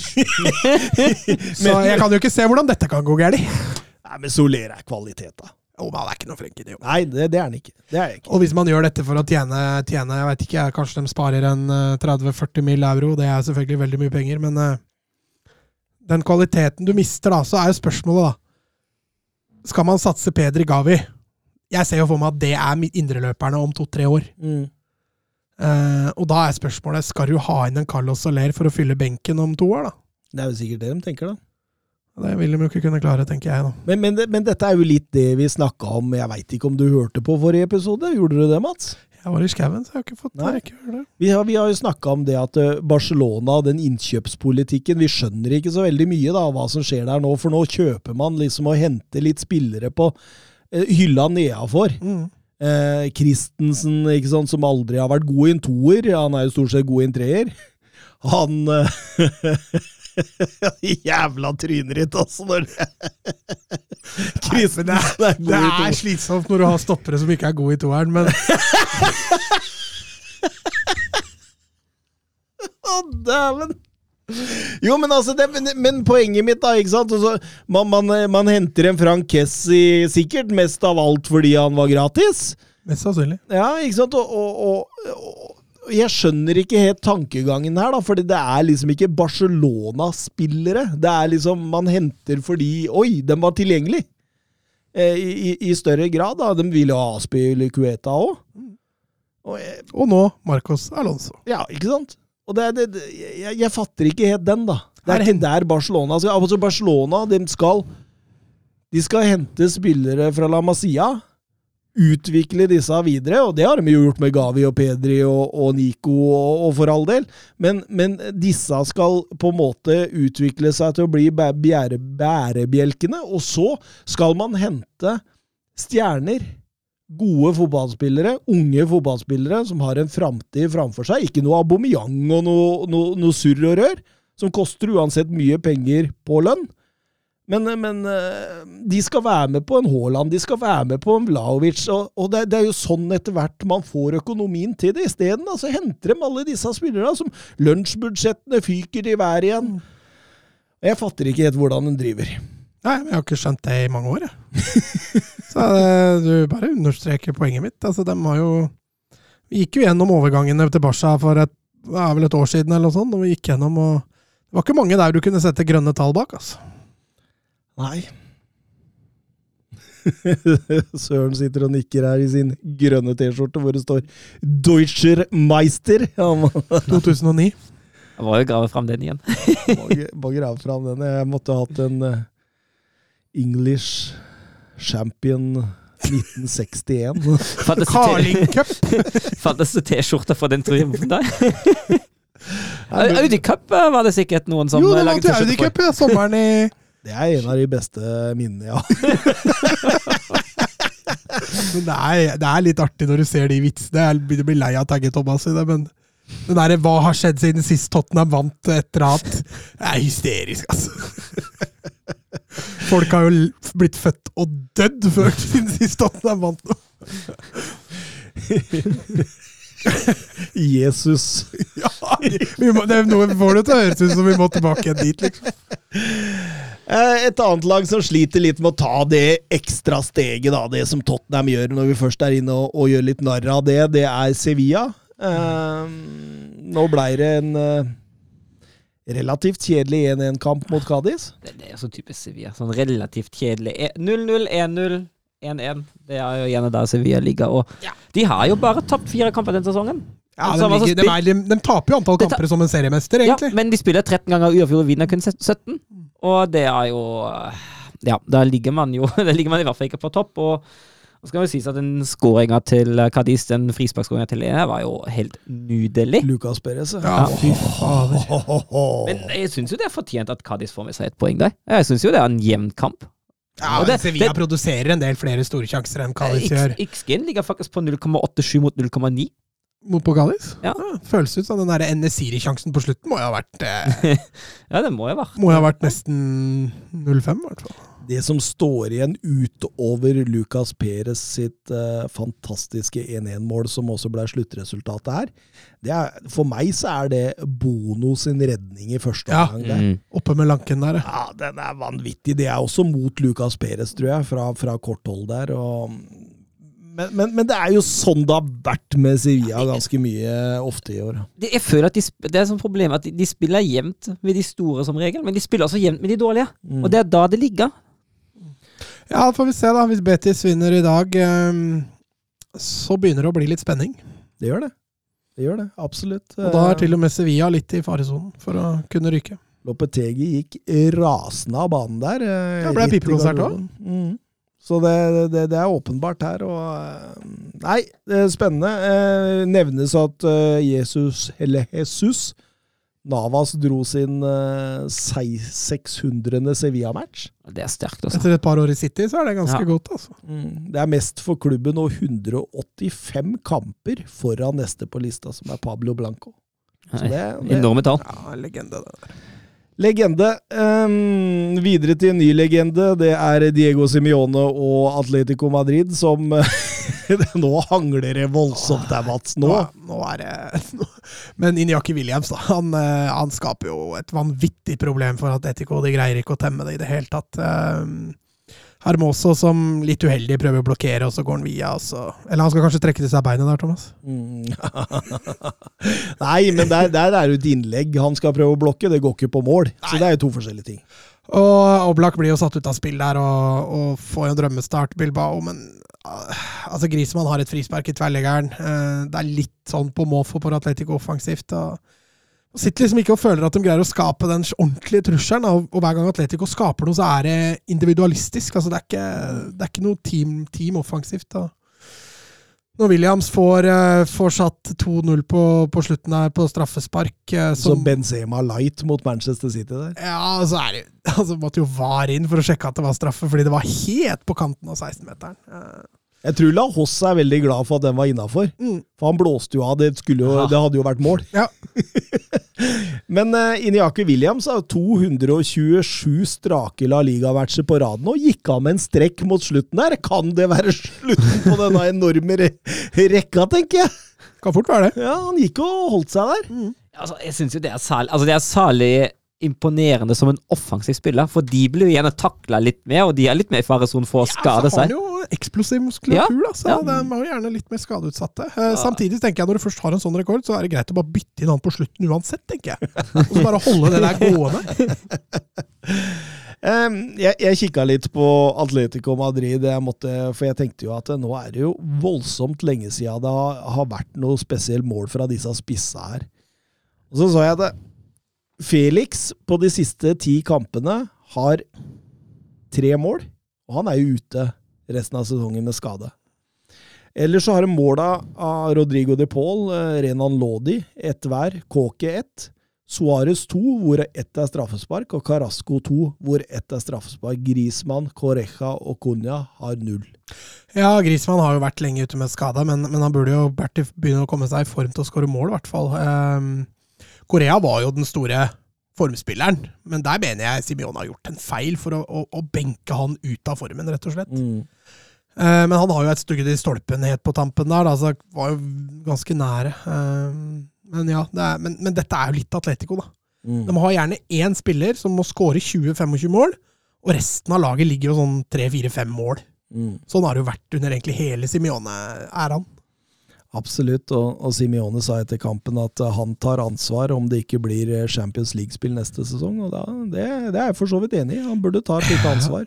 Men det er litt synd også, da, altså for Atletico. Nå vet jeg sikkert at Etter den City-kampen så har de blitt neglisjert og negla til veggen, omtrent. Men i en dårlig sesong med Atletico Madrid utafor Champions League, så kan det der rakne. Mm.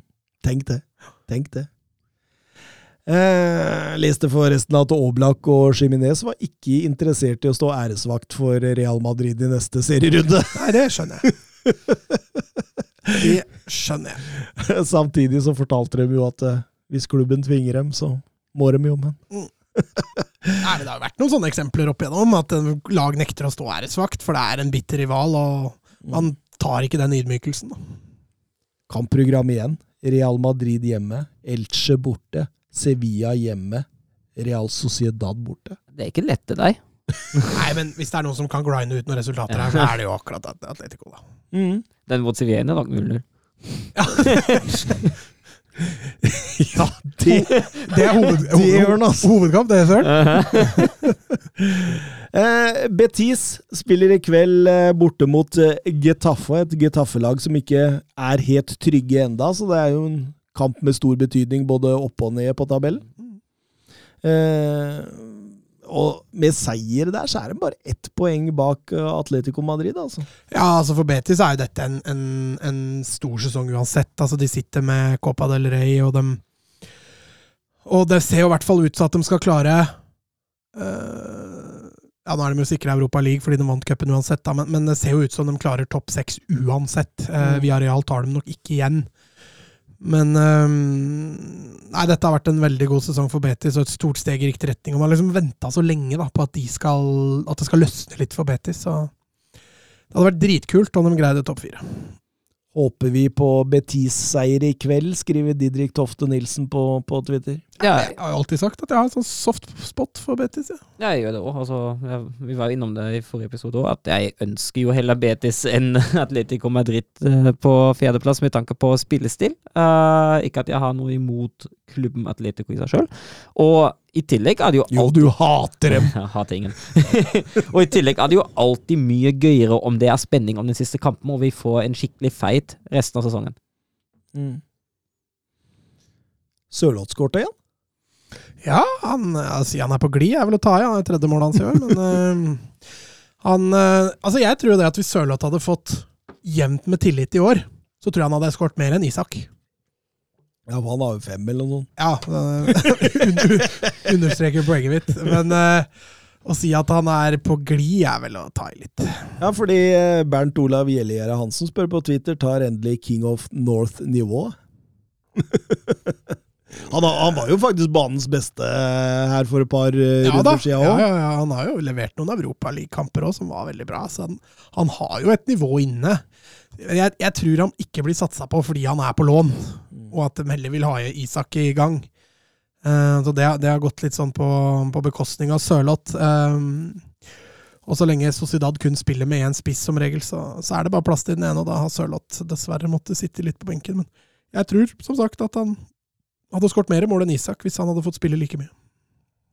Hvis vi skulle tippe, Søren, hvem tar eh, de resterende Champions League-plassene i La Liga? Jeg har lyst til å si Sevilla og Betis, ja. Og Barcelona. Ja, ja, ja altså, jeg, jeg, jeg, altså, Real og Barcelona anser jeg til å være Altså, Real uansett altså, Men- du tror Real tar det? Ok. ja, eh, Men, uh, men Ja, du er god til å tippe, Søren! Ja, jeg vet. Helt nydelig. Oddsen på den er én. Men, eh, men, men Barcelona, Barcelona anser jeg jo til å, til å være ganske Jeg kan ikke se for meg tre lag gå forbi Barcelona. Jeg gjør ikke det. Jeg sitter med Betis-programmet foran meg. da. Etter Getafe i kveld så har en Barcelona hjemme, Valencia borte, Granada hjemme og Real Madrid borte. Den er tøff, det nå, altså. Men- er slitsom, den. Nei, jeg, jeg tror ikke Betis greier uansett. Jeg, jeg tror Atletico grinder. Vinner så, klarer det så vidt det er. Eh, og så får vi se Sevilla, da. De har jo også et litt, litt sånn tøft program igjen. Eh, Så Barca blir nummer to, det er jeg ganske sikker på. Og så tror jeg Sevilla greier nummer tre, og så tror jeg Atletico blir nummer fire. Og Betis dessverre da på, på femte. Og med de ordene setter vi over til eh, Bundesliga. Er macht ein richtig gutes Spiel. Jan Schimonek. Die Wolfsburger lassen so gut wie nichts zu. Grafit. Grafit gegen Lell. Jetzt wird's eine Demütigung. Guckt euch das an. Bist du verrückt? Bist du verrückt? Tor des Jahres. Die Bayern der Lächerlichkeit preisgegeben. Ja, og eh, der har vi jo allerede en seriemester i eh, Bayern München, men eh, en seriemester som egentlig fikk så hatten passa, både blant supportere, media og alt det etter Mainz-tapet i helga. Ja, de nekter jo å møte opp, eh, rett og slett. Det kan vi jo si. Altså, At det bare står 2-0 etter en halvtime til Mainz, det skal Bayern være ekstremt glad for. fordi Mainz var alt det Bayern ikke var. Mainz var samstemte, Mainz var aggressive, Mainz var høytpressende, Mainz spilte god fotball, og Bayern, eh, Bayern så ut til å ikke orke mer, rett og slett. Bayern var helt, helt fraværende. Det, det så nesten litt Altså, resignert ut. ja, så, så, så ut som de liksom at eh, de hadde lyst til Ibiza allerede. Altså, det det, det, det, det, er det villeste jeg har sett. Altså, kan jeg få bruke Er det lov, forresten, å bruke Tom Nordli-terminologien om mongohøns? For det, det var jo sånn det så ut, som at det var elleve høns ute på banen der som ikke helt uh, var klare for dette. Og, og Mainz kjørte. altså Burkhardt han lekte jo med dem. eh, uh, og og det, det, det Altså, jeg, det var ingen inspirasjon i der i det hele tatt. Og du så Nagelsmann sto og måpa. Ja, men altså, det er jo til syvende og sist hans ansvar å få det til å fungere på banen, da.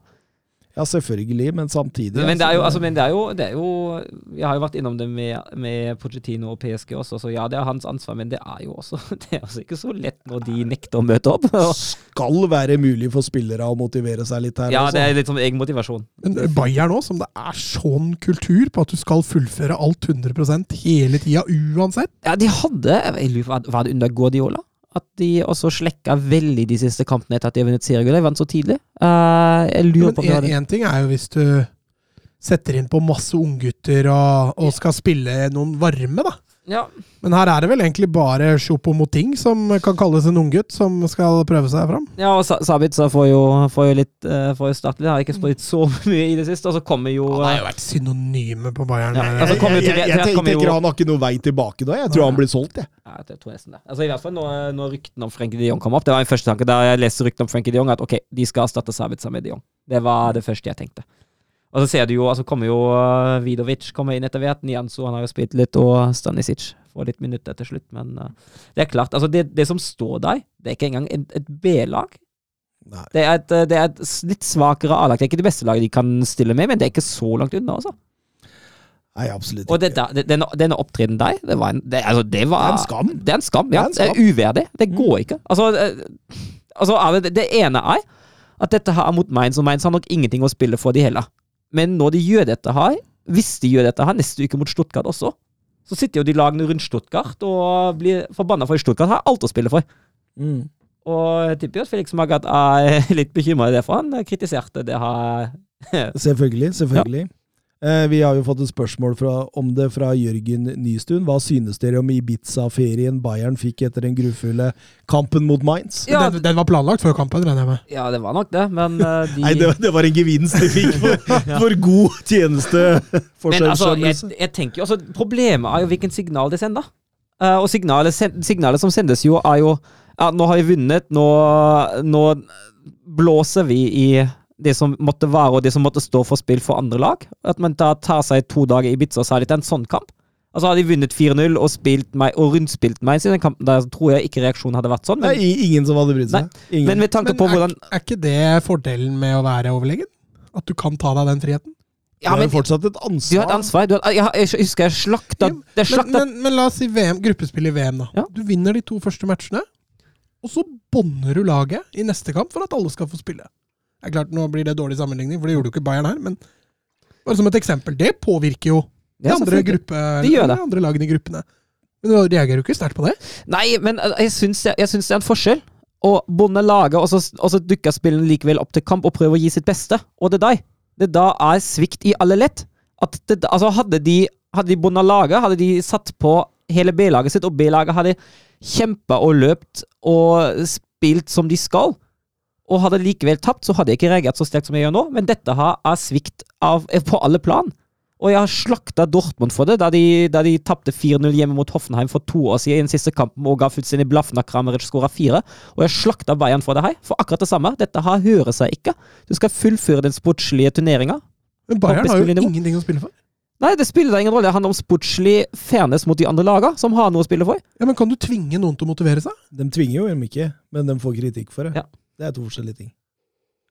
Jo, jo. Det er jo ingen som tvinger Bayern og sier at uh, dem- Men dem- man påpeker jo her at uh, det blir feil overfor f.eks. Hertha Berlin, da. eh, Som Og Bielefeld, Møtt, mø, ikke sant, og Bielefeld, som har møtt Bayern München eh, Et knallsterkt Bayern München to runder, og så, og så kommer eh, Så kommer de eh, sikkert ganske demotivert og, og, og ferieopptatt til eh, Stuttgart eh, neste helg. Ja, men det er jo dette som er fordelen med å være overlegen. Jo, altså, men, men jeg sier hvorfor det har blitt kritikk. Jeg veit ikke hva jeg ville gjort i den situasjonen der. Men, men, Altså, men, jeg- men samtidig så tror jeg nok Så tror jeg nok det er lønnsomt å, å ikke kjøre full pupp eh, på eh, elveren. At man heller vanner det ut med spillere som kanskje er motivert for å vise at uh, jeg vil fortsette å spille her. Uh, Det var jo stort sett bare Sabitzer og Sjopomoting, kanskje. som ja, Olreich. Ja, Olreich, da. Men Olreich han, han er jo et eget kapittel. Jo da, og jeg er uenig med dere, jeg er bare litt sånn djevelens advokat her. Men uh, når du da ikke føler du har noe å spille for, da, da er det jo ikke lett å gi 100% heller. Ja, men du skal, jo, du skal jo gå ut og prøve å vinne den fotballkampen, og det er forskjell mellom å ikke gi 100% og det Bayern gjorde nå, og det Dortmund gjorde for to år siden. Mm. Det er, en, det er en viktig forskjell. Det, det var ikke 90% engang. Det var så vidt 50, kanskje. Ja, det, det var ikke Og likevel taper du bare 3-1. Ja, men det kunne vært mer. Det burde, altså de bør, det bør jo vært 3-4-0 til en halvtime til Mainz, da. Absolutt. Den kampen var allerede tapt omtrent uh, i første omgang. Altså, kommer det, det, altså Selv om de skåra 2-1, det kommer jo ingen reaksjon der heller. Det, det, Det er jo helt sykt. det gjør ikke det. De er ferdig. Er det litt svakhet av Nagelsmann her? Eller litt første vi ser litt svakhet på lederstil denne sesongen? Ja, men jeg syns vi har sett en del svakheter av Nagelsmann. Ja. Altså, Ja, men denne sesongen Du har ikke sett så mye svakheter tidligere.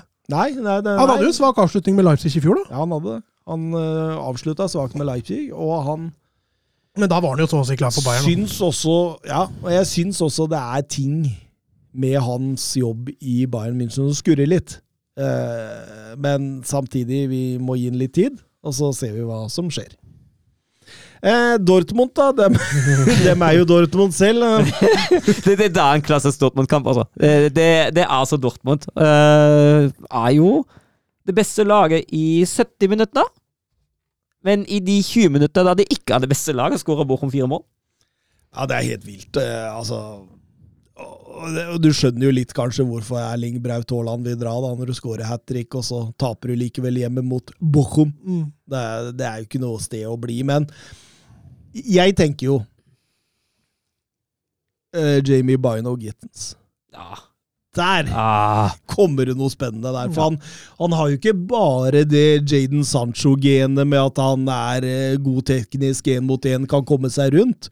Men han viser jo i denne kampen at han faktisk har playmaker-egenskaper òg. ja, den pasningen han slår før 3-2, den er jo helt nydelig. Ja, det, det der blir spennende, altså. Altså, altså, altså der igjen, Rose. Altså, han, jeg syns jo Bein og Gittens har en god kamp. Mm. Og så og så har han akkurat det suksessøyeblikket at han slår den fine pasningen til Røy som setter assisten til Haaland. Nesten morsom scoring av Haaland der. Jeg tror ikke han vil få den på mål. det er sånn Lukakos first touch, det der. Men, eh, og så får han det suksessøyeblikket, og så blir han bytta ut. Får passlag av alle. Og den der skjønte jeg ikke heller. Altså, Nei, for da flytta han Wolf opp i Ja. Bino Gittens-rollen. og den, det, også, så for Passlag, Passlag får spille som høyrebekk, og Passlag er jo svært involvert i uh, tre-fire mål, mål også. Så det bytter deg er ikke Til forståelse for. Ja, jeg syns det. Men min, altså, Veit ikke om Bino Gittens eventuelt var sliten, men da har du fortsatt andre spillere du kan bytte inn istedenfor uh, Passlag.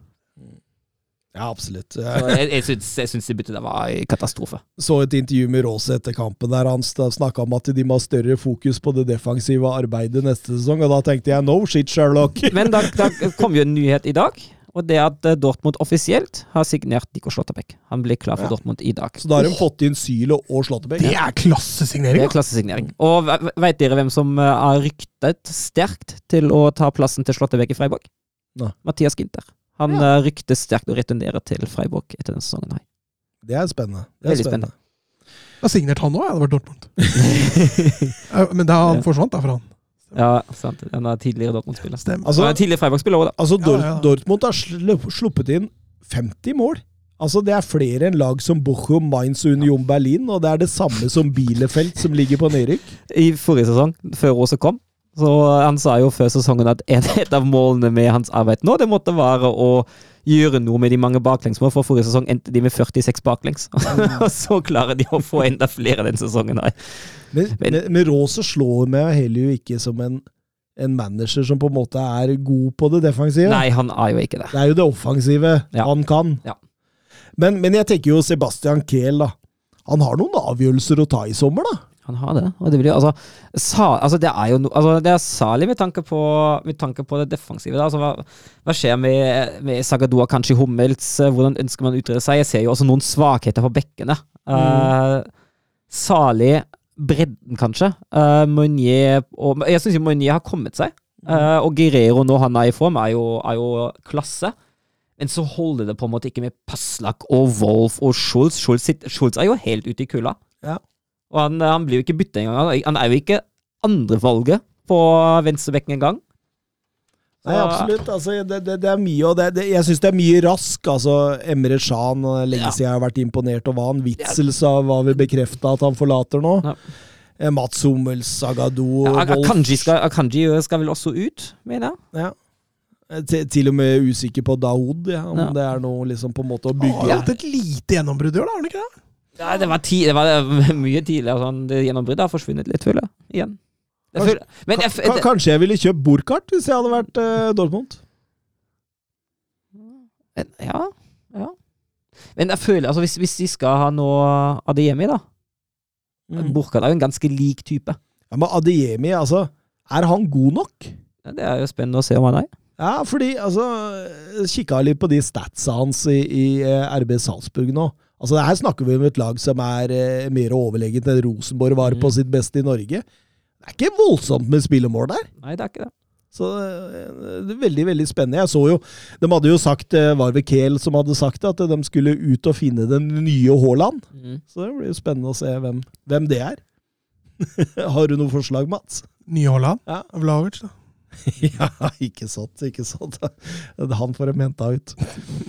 Em, Leverkosen spiller mot Frankfurt i kveld. Eh, Leipzig spiller mot eh, Borussia München-Gladbach i kveld. Jeg kan jo nevne at uh, Freiburg vant en jevn og meget underholdende kamp bort mot Hoffenheim 4-3. Uh, ligger nå foreløpig på fjerdeplass, uh, ett poeng foran Leipzig. Um, og er i hvert fall klar for Europa, for de kan ikke falle lenger ned enn syvendeplass. Ja, nå, nå, prøver, han- nå, prøver han å ta, nå prøver han å ta over som programleder her. Freiburg er litt lenger ja, ned. da. eh, Søren Men hvem, hvem, hvem, hvem vant cupen? Det er jo cupfinalen mellom Leipzig og Freiburg. Ja. Og Leipzig er jo uh, Ja. Men, men hvis de faller bak Leipzig, da, og Leipzig vinner cupen Nei, Ja. Hoffenheim får ikke tatt dem igjen. Nei, nei, nei, nei, da er jeg enig. Men han prøver å ta Ja, Men da kan du stryke av det på lista di. Det er jo ikke verre enn det. Nei, men jeg vil snakke om Freiburg. jeg. ja, sorry! Jeg vil snakke om dem, altså Christian Streich og dette Rema 1000-laget sitt. Altså, Hvor gøy hadde det ikke vært med Champions League neste altså, Det hadde vært fantastisk morsomt å se Freiburg i Champions League. Det, og det, det hadde vært så gøy, og den sesongen de har hatt, har jo vært enorm. mm. Uh, Ja. Og jeg syns, eh, jeg syns egentlig på alle plan Jeg syns de har vært eh, gode, brukbare defensivt og har vært gode offensivt, og med tanke på at de egentlig er en sånn klassisk underdog i alle kamper. Mer eller mindre, altså Nå har de hatt en god, god sesong i fjor, jo. Da falt de jo ut av de internasjonale plassene mot slutten. Mm. Og så har de tatt enda større steg nå. Det ser jo ut som Union Berlin også havner i Europa i år igjen. Ja. Og de er på skuddhold til Champions League.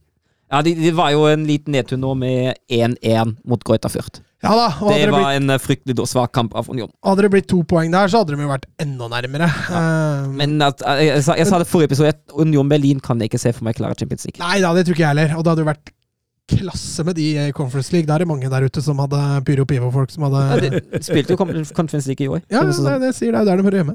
Uh, men at du også får Köln og Freiburg da, fra Tyskland, Mm. er det et styrketegn?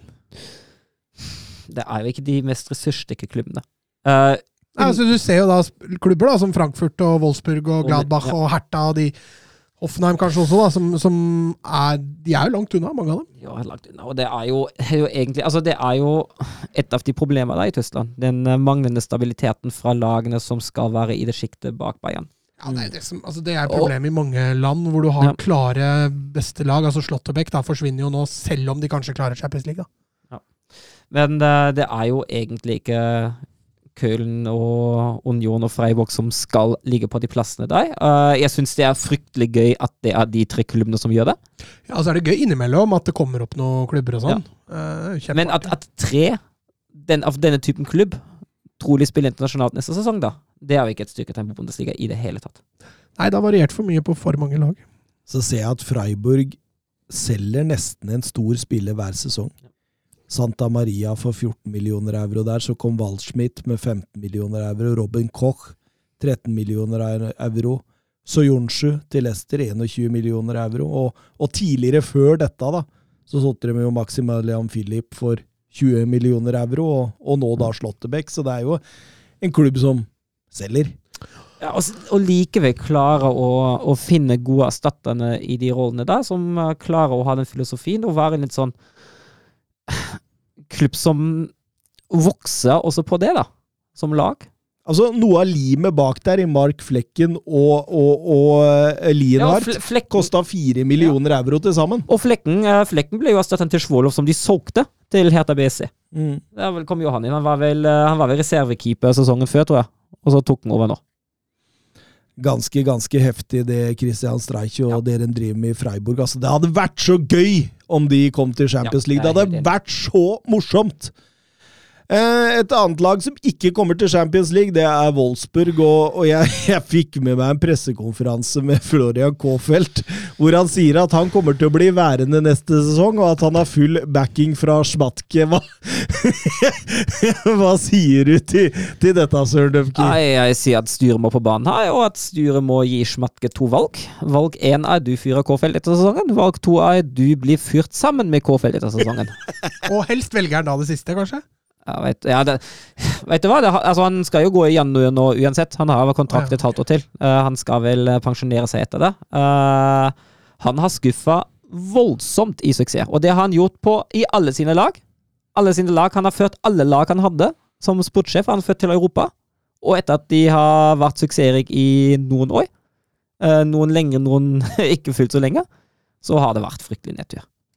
Og Men K-felt er fortsatt ung. Det spiller ingen rolle, jeg har ikke noe tro på det nei. Det, vi sitter, det, det, det, vi sitter Neste sesong sitter vi etter 10-11-12 kamper. Sitter på 14.-15.-plass, har fyka enda en trener og prøver en, å finne enda en som, uh, som prøver å redde stumpene denne sesongen, og det fortsetter og fortsetter og fortsetter sånn. Da kommer Felix Magath. Å nei, nei, nei, nei. nei. Eller, eller jeg tror van Bommel er ledig. Åh. Kanskje han er ledig. Men det, det, irriterer man, det irriterer meg at man ikke klarer å se det der. At man, altså, spillerne har jo sin andel av skylda, helt klart. Men at man prøver å laste alt på Ja, nei, laget har vært så dårlig, K-felt har egentlig ikke hatt noen sjanse. Det er så blind at man Altså, at jeg, jeg, Men, men har han støtte i spillergruppa? Nei, altså, ut ifra det jeg har hørt av rykter, da, eh, og det er jo høyst, høyst uh, ubekreftet Jeg hørte fra en supporter som skal kjenne noen som har litt kontakt med spillerne og spillergruppa, da, eh, at ingen av spillerne egentlig, eller en stor del av spillerne ikke har noe tro på K-felt i det hele tatt. For det også bør jo spille inn når du skal velge trener, mener jeg, da. Mm. Eh, hvis ikke er noe tro på dette blant spillergruppa, så Nei, og altså, altså han jo i support Altså, jeg var jo på, var jo på den Freiburg-kampen Nei, på den Mainz-kampen, og man skal jo rope i, i Tusenøy, sånn at du presenterer spillerne og trenerne ved at spikeren sier fornavnet, og så skal hele stadion rope det etternavnet til vedkommende. Og da Kårfeldts kom, det var ingen som ropte.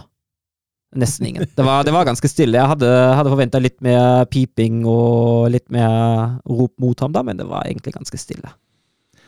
Uff a meg. Men Så det- ja, dette, her, dette her kommer ikke til å gå. Neste sesong ødelegges om K-felt fortsetter, jeg er ganske sikker på. det ble 1-1, da. Fryktelig fotballkamp. Uh, Jay Brooks uh, skårer 1-0, Uh, og så får man da en utligning i, eh, i sekken fullt fortjent eh, i, i sluttminuttene, men det betyr at Wolfsburg tok det siste poenget som skulle til for å berge plassen. Det som er jo litt, litt bittert da for Hertha BSC, var at fram til det 89. minuttet så var jo de berga, de òg. Fordi de leder 1-0 mot Bielefeld, og Wolfsburg leder 1-0 mot uh, Stuttgart. Og da hadde de sikra plassen, og så skåra etter 89 minutter skåra da Fürich for Stuttgart og utligna mot Wolfsburg. Og 90 pluss 1 så blir det også en utligning i Bielefeld ved Nilsson. Og da ender begge kamper 1-1, og Hertha har fortsatt fire poeng og må fortsatt gå det siste steget for å. Og Bielefeld har fortsatt sjansen til å komme seg opp på kvalik. Deilig, deilig. Vi tar turen til Serie A. era il marcatore di Cannavaro. Palla tagliata, messa fuori, c'è Pirlo, Pirlo, Pirlo, ancora Pirlo di tacco, tiro,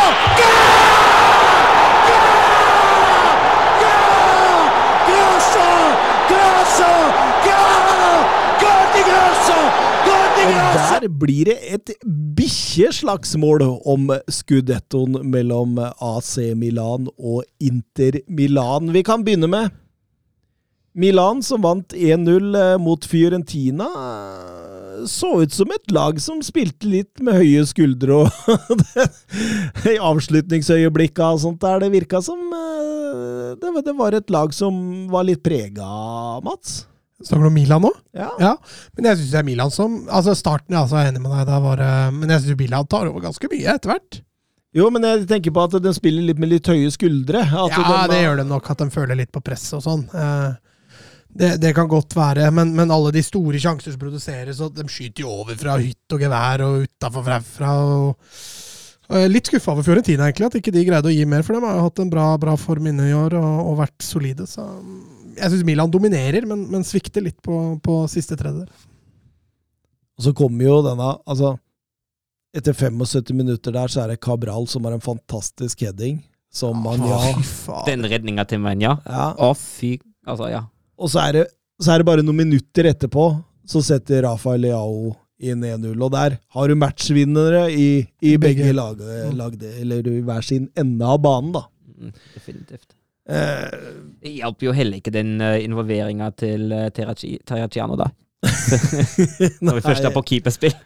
absolutt ikke. Det er jo et svakt utspill der, og, og Leao får jo bare ta med seg ball og legger den fint i nærmeste. Men jeg syns jo, altså, jo, jo Leao har jo vært en av de sterkeste uh, i Milan uh, de siste ukene og månedene. Også.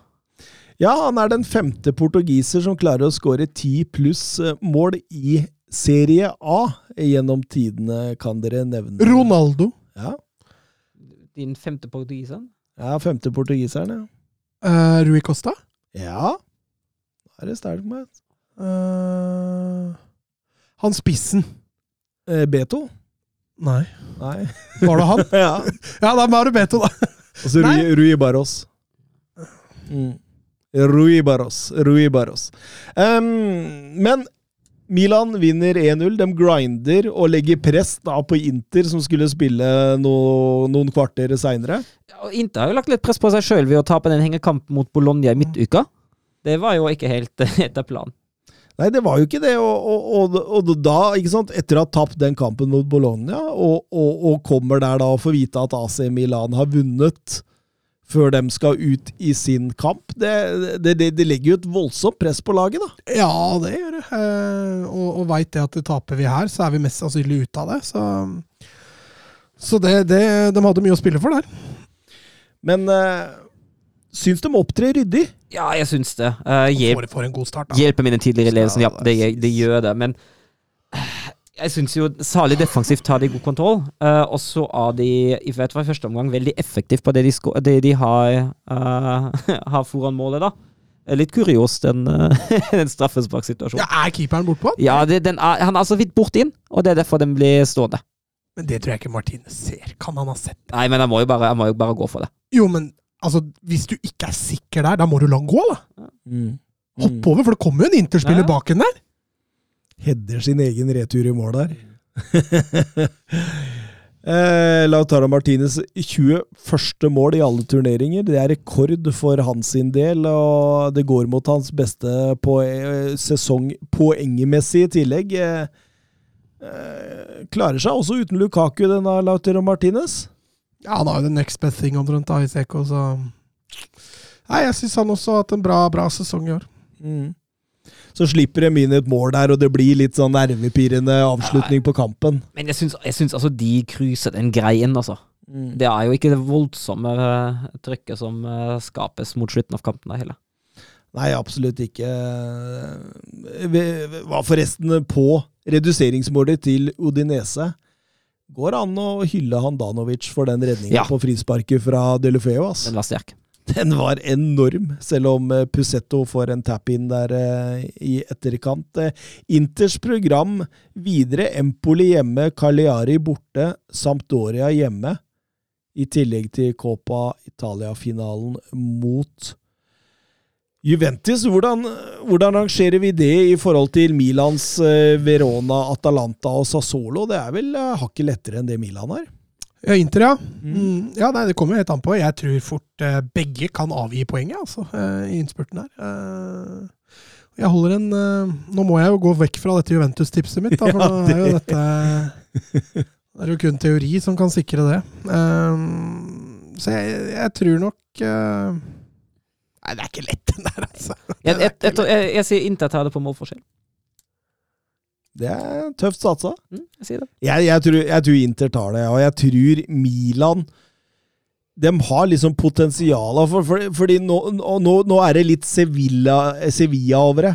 Det er litt sånn det spiller jevnt mot alt, stort sett.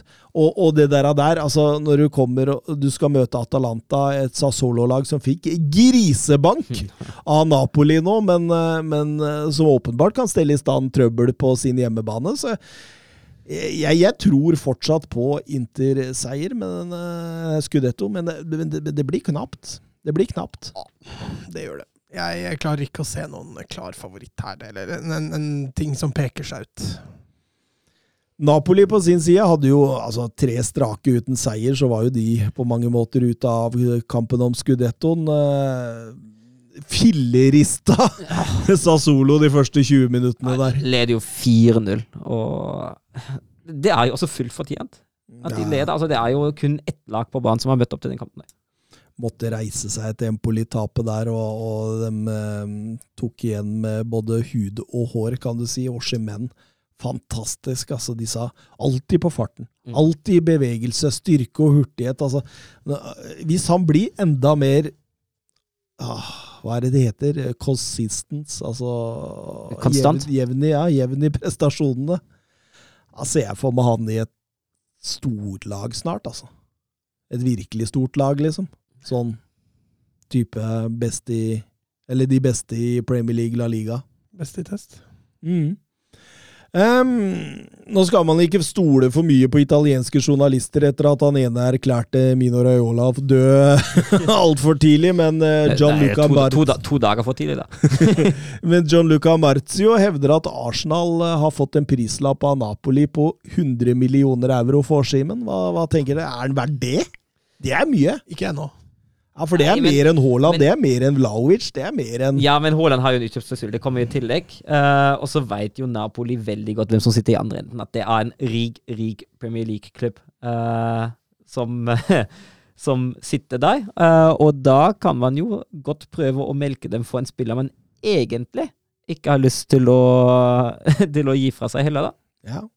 Ja, Så jeg skjønner, jeg skjønner jo det. Altså, jeg skjønner jo Napoli, Napoli veldig godt.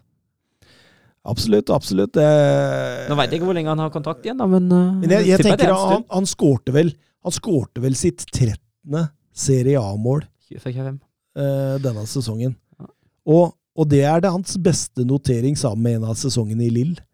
Altså, han er jo ikke noe eh, Han er jo ikke noe Ruud van Nittelrooy, hvis det er Nei, men altså men han, han, er, han er 23, han har hatt en god utvikling i Napoli. Jeg syns det har gått oppover fra sesong til sesong. Uh, han har kontrakt til eh, 2025, sier jeg nå. Det Eh, deilig, Du trengte et godt eksempel på en målskårer, og så landa du på van Nistelrooy. Er ikke den eh, Den er ikke dum, den? Nei, den er ikke dum i det hele tatt. så at Napoli ikke har lyst til å kvitte seg med ham i det første, og de ser jo ikke nødt til det heller. De kan jo fortsatt selge den for mye penger ved en senere anledning. Hvis ikke de nekter å dra på treningsleir, da, da blir jo alle gratis, holdt jeg på å si, i Napoli. Eh, videre til Juventus, da, som eh, Ja, de sikra vel seg eh, langt på vei eh, Champions League-spillet med seieren mot Sassolo i forrige runde, og, og, og sikra han vel totalt nå, med, med seier over uh, Ja, Venezia i en sånn litt kjedelig fotballkamp. Ja, Bonucci skårer jo to mål, så det sier vel litt om hvordan de måla kom. Uh, nei, Nå har de vel ti poeng ned til Lazio på tre kamper igjen, så det, den fjerdeplassen er sikra. De er vel fortsatt bare ett poeng bak Napoli, så bronsen er fortsatt godt innafor rekkevidde, i hvert fall for, eh, for Juve. Men når jeg ser på dette Juventus-laget, det er milevis unna nivået til f.eks. Milan og Inter. Han har en voldsomt jobb og han skal gjøre der, Allegri, med å ta de opp til på en måte Scudetto-favoritt neste, neste sesong, f.eks. Mm.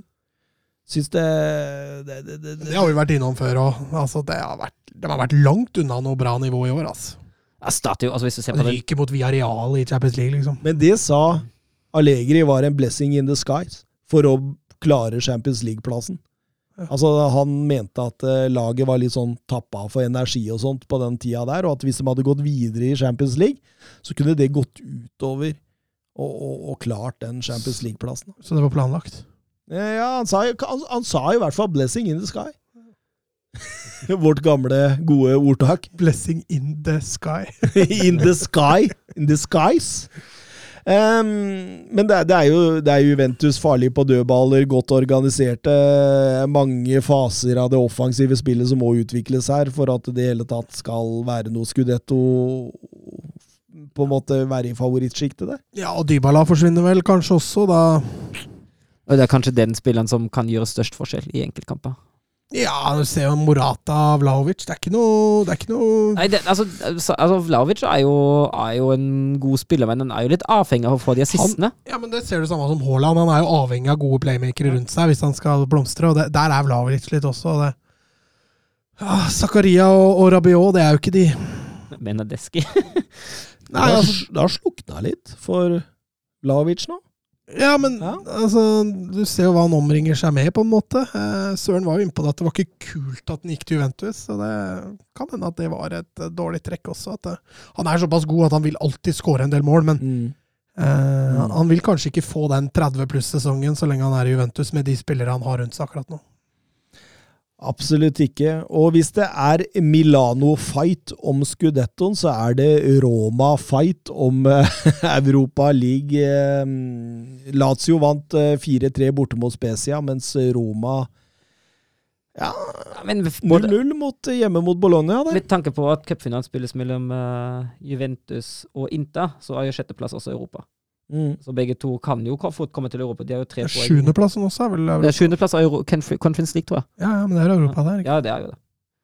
Men uh, begge romerlag kan fort uh, ende opp med å komme til Europa til slutt, særlig med tanke på den formen Fiorentina befinner seg i nå om dagen. Ja, det, har vært en uh, nedadgående kurve der. Men Roma, Mourinho, sparte litt spillere. Åpenbart at han skal eh, se fram mot den Leicester-kampen. Han elsker jo sølvtøy, så, så det er klart at Conference League det står sikkert høyt. Selvfølgelig, sa det, mitt. det har jo god utgangsposisjon. Det, det samme gjelder jo for Roma og Leicester. Etter 1-1 i første kamp er jo alt mulig der. Men eh, Mourinho var mest opptatt av Lazios seiersmål med Aserbi eh, etter kampen. Eh, ga jo alle det glatte lag der, både journalister og, og dommer. Eh, altså, det, det, det Mourinho sier, da, han, han gir jo en pekende finger mot journalistene og sier at dere har ikke forandra dere på de 22 åra jeg har vært trener. Dere er akkurat det samme. Og så sier han en annen ting som ikke forandrer seg, er at man skal kunne vinne kamper med mål som er offside for 22 år siden også, og det er det i dag òg. Eh, og det var et lag som vant med et mål som var offside i går. Eh, Lazio har vært ute i ettertid og svart, da, og så sier det at eh, vet du hva, nå er vi lei av eh, en viss trener som kommer med påståtte dommerfeil i kampen for konkurrerende lag, og antyder at Mourinho vil ha fokuset vekk fra sitt eh, ja, noe svake presterende 0-0-lag mot Bologna. Og, Ja, men det er Romas, nei, Romas, ja, det er Mourinhos spesialitet å skifte over fokus på noe som egentlig er helt, uh, helt i andre siden av gata fra det han driver med. Nå har han hatt mindre heldige uttalelser på det også, men, men akkurat her så føler jeg det han treffer litt. Ja. ja, og jeg syns han treffer også med tanke på at jeg skjønner ikke hvorfor ikke VAR annullerte det målet til Aserbi, fordi der er jo keeper ute, og når keeper er ute, så har keeper satt Aserbi i offside. Det er jo det er ikke keeper og bakerste forsvarsspiller, det er de to bakerste spillerne som står der. Ja. Og hvis det ikke er keeperen, da er det, er det de to bakerste forsvarsspillerne. Ja, absolutt. Så jeg, for, for keeper ruser jo ut der, og så Nei, så det Det er mulig de som satt i varebussen ikke kunne regelen. Veit vet du hva? Det skal du ikke se bort ifra. Nei, jeg så det var spekulert om i går. Eh, flere spekulasjoner om at eh, de enten ikke kunne regelen, eller at de ikke har tenkt at keeperen var der. Det må jo ha kunnet regelen. Det må bare ha oversett noe. ja, det vil jo anta det. Dritflaut. Men du kommer i hvert fall ikke til å si det høyt offentlig. Nei, det kommer de ikke Sorry, men den, den regelen visste vi ikke om.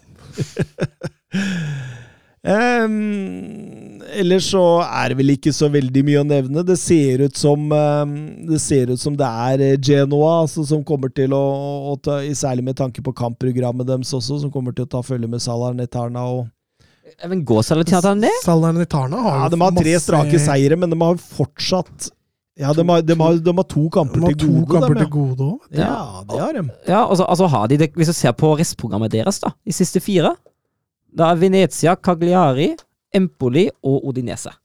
Så de har Cagliari igjen, det de må ta igjen, Ja. og de har Venezia som ligger bak dem. Ja. Det er mye opp til dem Altså, sjøl, har- faktisk. og Empoli og Odinese har ingenting å spille for. Emil Bohin har fått en del skryt.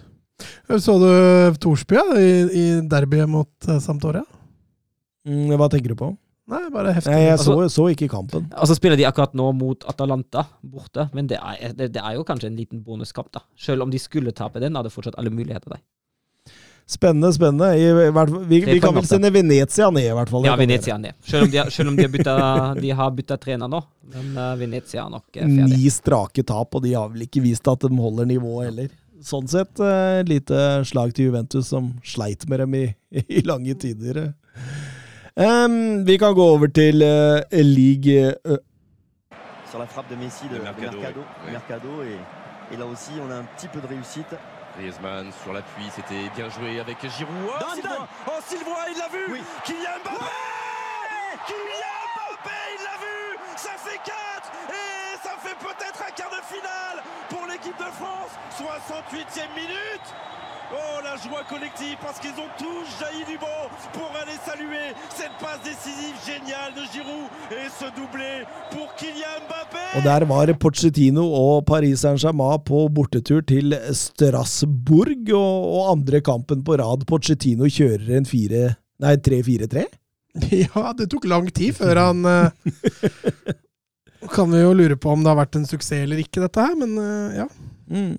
Men, men man må jo si at de blir jo fullstendig spilt av banen de første minuttene der av et ekstremt aggressivt og direkte Strasbourg der. Det er noen typisk Julian Stefan eh, med, med, med sjelden å se jeg, la merke til sjelden å se hvor lag som har vingbekkene sine så høyt i sen eh, frispillingsfase. Altså det, det, det blir, blir nesten, Den tidlige frispillingsfase er nesten en, en 3-3-4-formasjon. Eh, veldig, veldig artig å se på. Presspill, energi, vendinger, breddespill. Veldig breddeorienterte.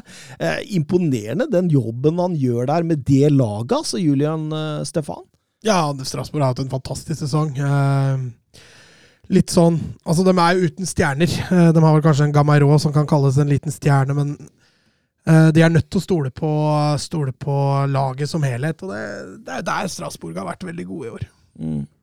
Og Gamero setter jo 1-0 der. Han kan sette 2-0 rett etterpå, og så snur kampen med, med, med Mbappe-skåringa der, og da da, da, da, da kommer ja, Hva er det jeg skulle si igjen på tysk? Hæ? Skulle si noe, var det ikke Nei, Det var et eller annet på tysk, Scheisse? som han sa alltid til oss. Å ja. Ja, når, når, når han er litt forbanna, ja.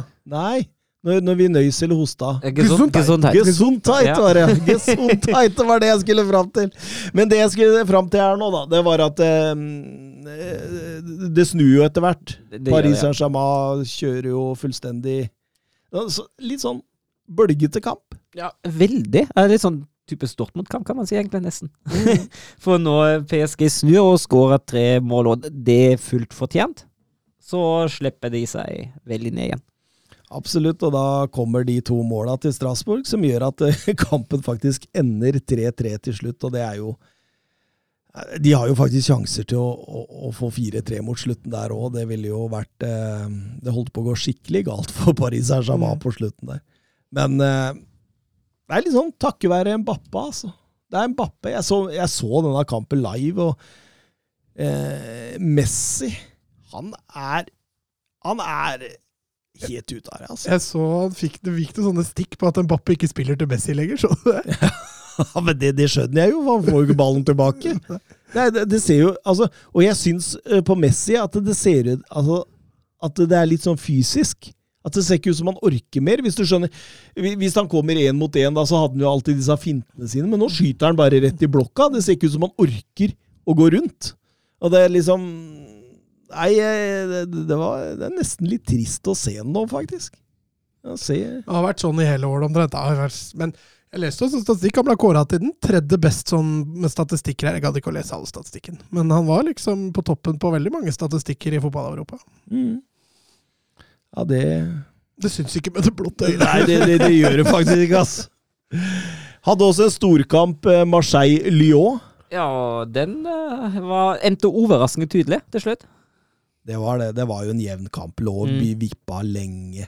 Og så skårer Lukeba 0-1 der ute i annen omgang, og så, og så går eh, rett og slett Marseille litt i, i, i oppløsning.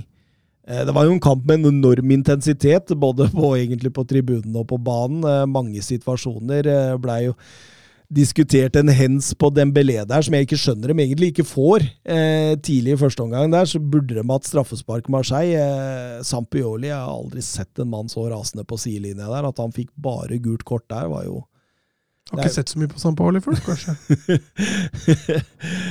og, det kunne jo fort blitt en annen kamp om de fikk det straffesparket, men, eh, men Lyon vinner sin tusende league Ø-kamp. Er det femte laget som klarer å vinne 1000 league Ø-kamper? Eh, PSG? Marseille. Marseille? Ikke PSG, da. Marseille, Saint-Étienne. PSG ble jo grunnlagt på 70-tallet. De jo, kommer jo langt, langt etter. Ja, men de har jo tatt 1000 poeng bare Nei, eh, kom, Søren. Marseille, Ja. Saint-Étienne. Ja.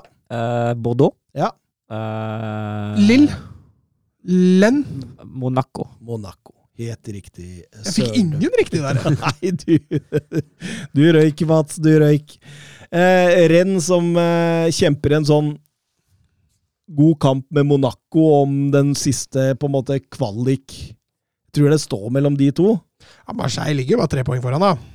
Ja, jo. Det, det er ikke- med, er med, med det tapet så ble det, kom de helt opp i ryggen Ja, der. og så skal Marseille om to runder bort mot Rennes.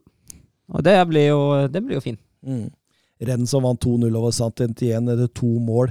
Av det som beskrives som den nye Luka Modric. Eh, veldig spennende. Lovro Maier der, fra den kroatiske landslagsspilleren, som fort kan ta stegene ut til de virkelig store klubbene i løpet av kort tid. Sånn, altså, ja, han er Luka Modric. Litt sånn teknisk briljant, venstrefota, kreativ, flyter liksom med spillet, god workrate, ta drittjobben når det trengs. Altså, det er veldig, veldig, veldig spennende spiller som eh, Det som imponerer også med renn, er jo målforskjellen deres. Ja, de skårer jo bøtter og spann. Ja, men de er jo helt likt med, nesten helt likt med PSG. Mm. Det er jo på grunn av Terrier, eh, Laborde og han eh, Bourdieu som, eh, som skårer voldsomt mye mål. En Laborde som jeg tenkte, når jeg så en rennkamp her, at det, det, er, det der, der er jo Altså, det er jo prototypen på Olivier Giroud. Altså, han burde Arsenal egentlig hente. Da hadde de eh, fått en sånn link-up-spiller som også er sterk og god i boks, og eh, en sånn typisk nier som liksom Arsenal har savna litt, da, syns jeg, den siste tida. Men veldig spennende om da når Monaco vinner mot Angers, så, så, så, så krabber dem oppover òg, altså. Ja, Det er jo, nå, nå er det jevnt. og som jeg sier, 65, Renn 62, Monaco 62. Og NIS ligger bak der med 60. Mm.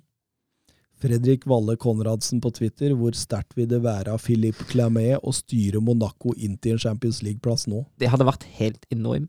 Altså, han, har jo, han kom jo fra langt, langt ned. Han brukte jo lang tid, eller han brukte en stund på å komme i gang. Eh, Ja, Kovac- vi snakka jo om ja. at det ikke var en Clemet-effekt. uh, Kovac uh, avslutter jo ikke akkurat sterkt heller. Og altså, hvis han skulle komme i, til Champions League, så må han jo nesten ender med en seiersrekke som er helt enorm. Altså. Nå står han vel på hva er det, sju strak eller noe sånt.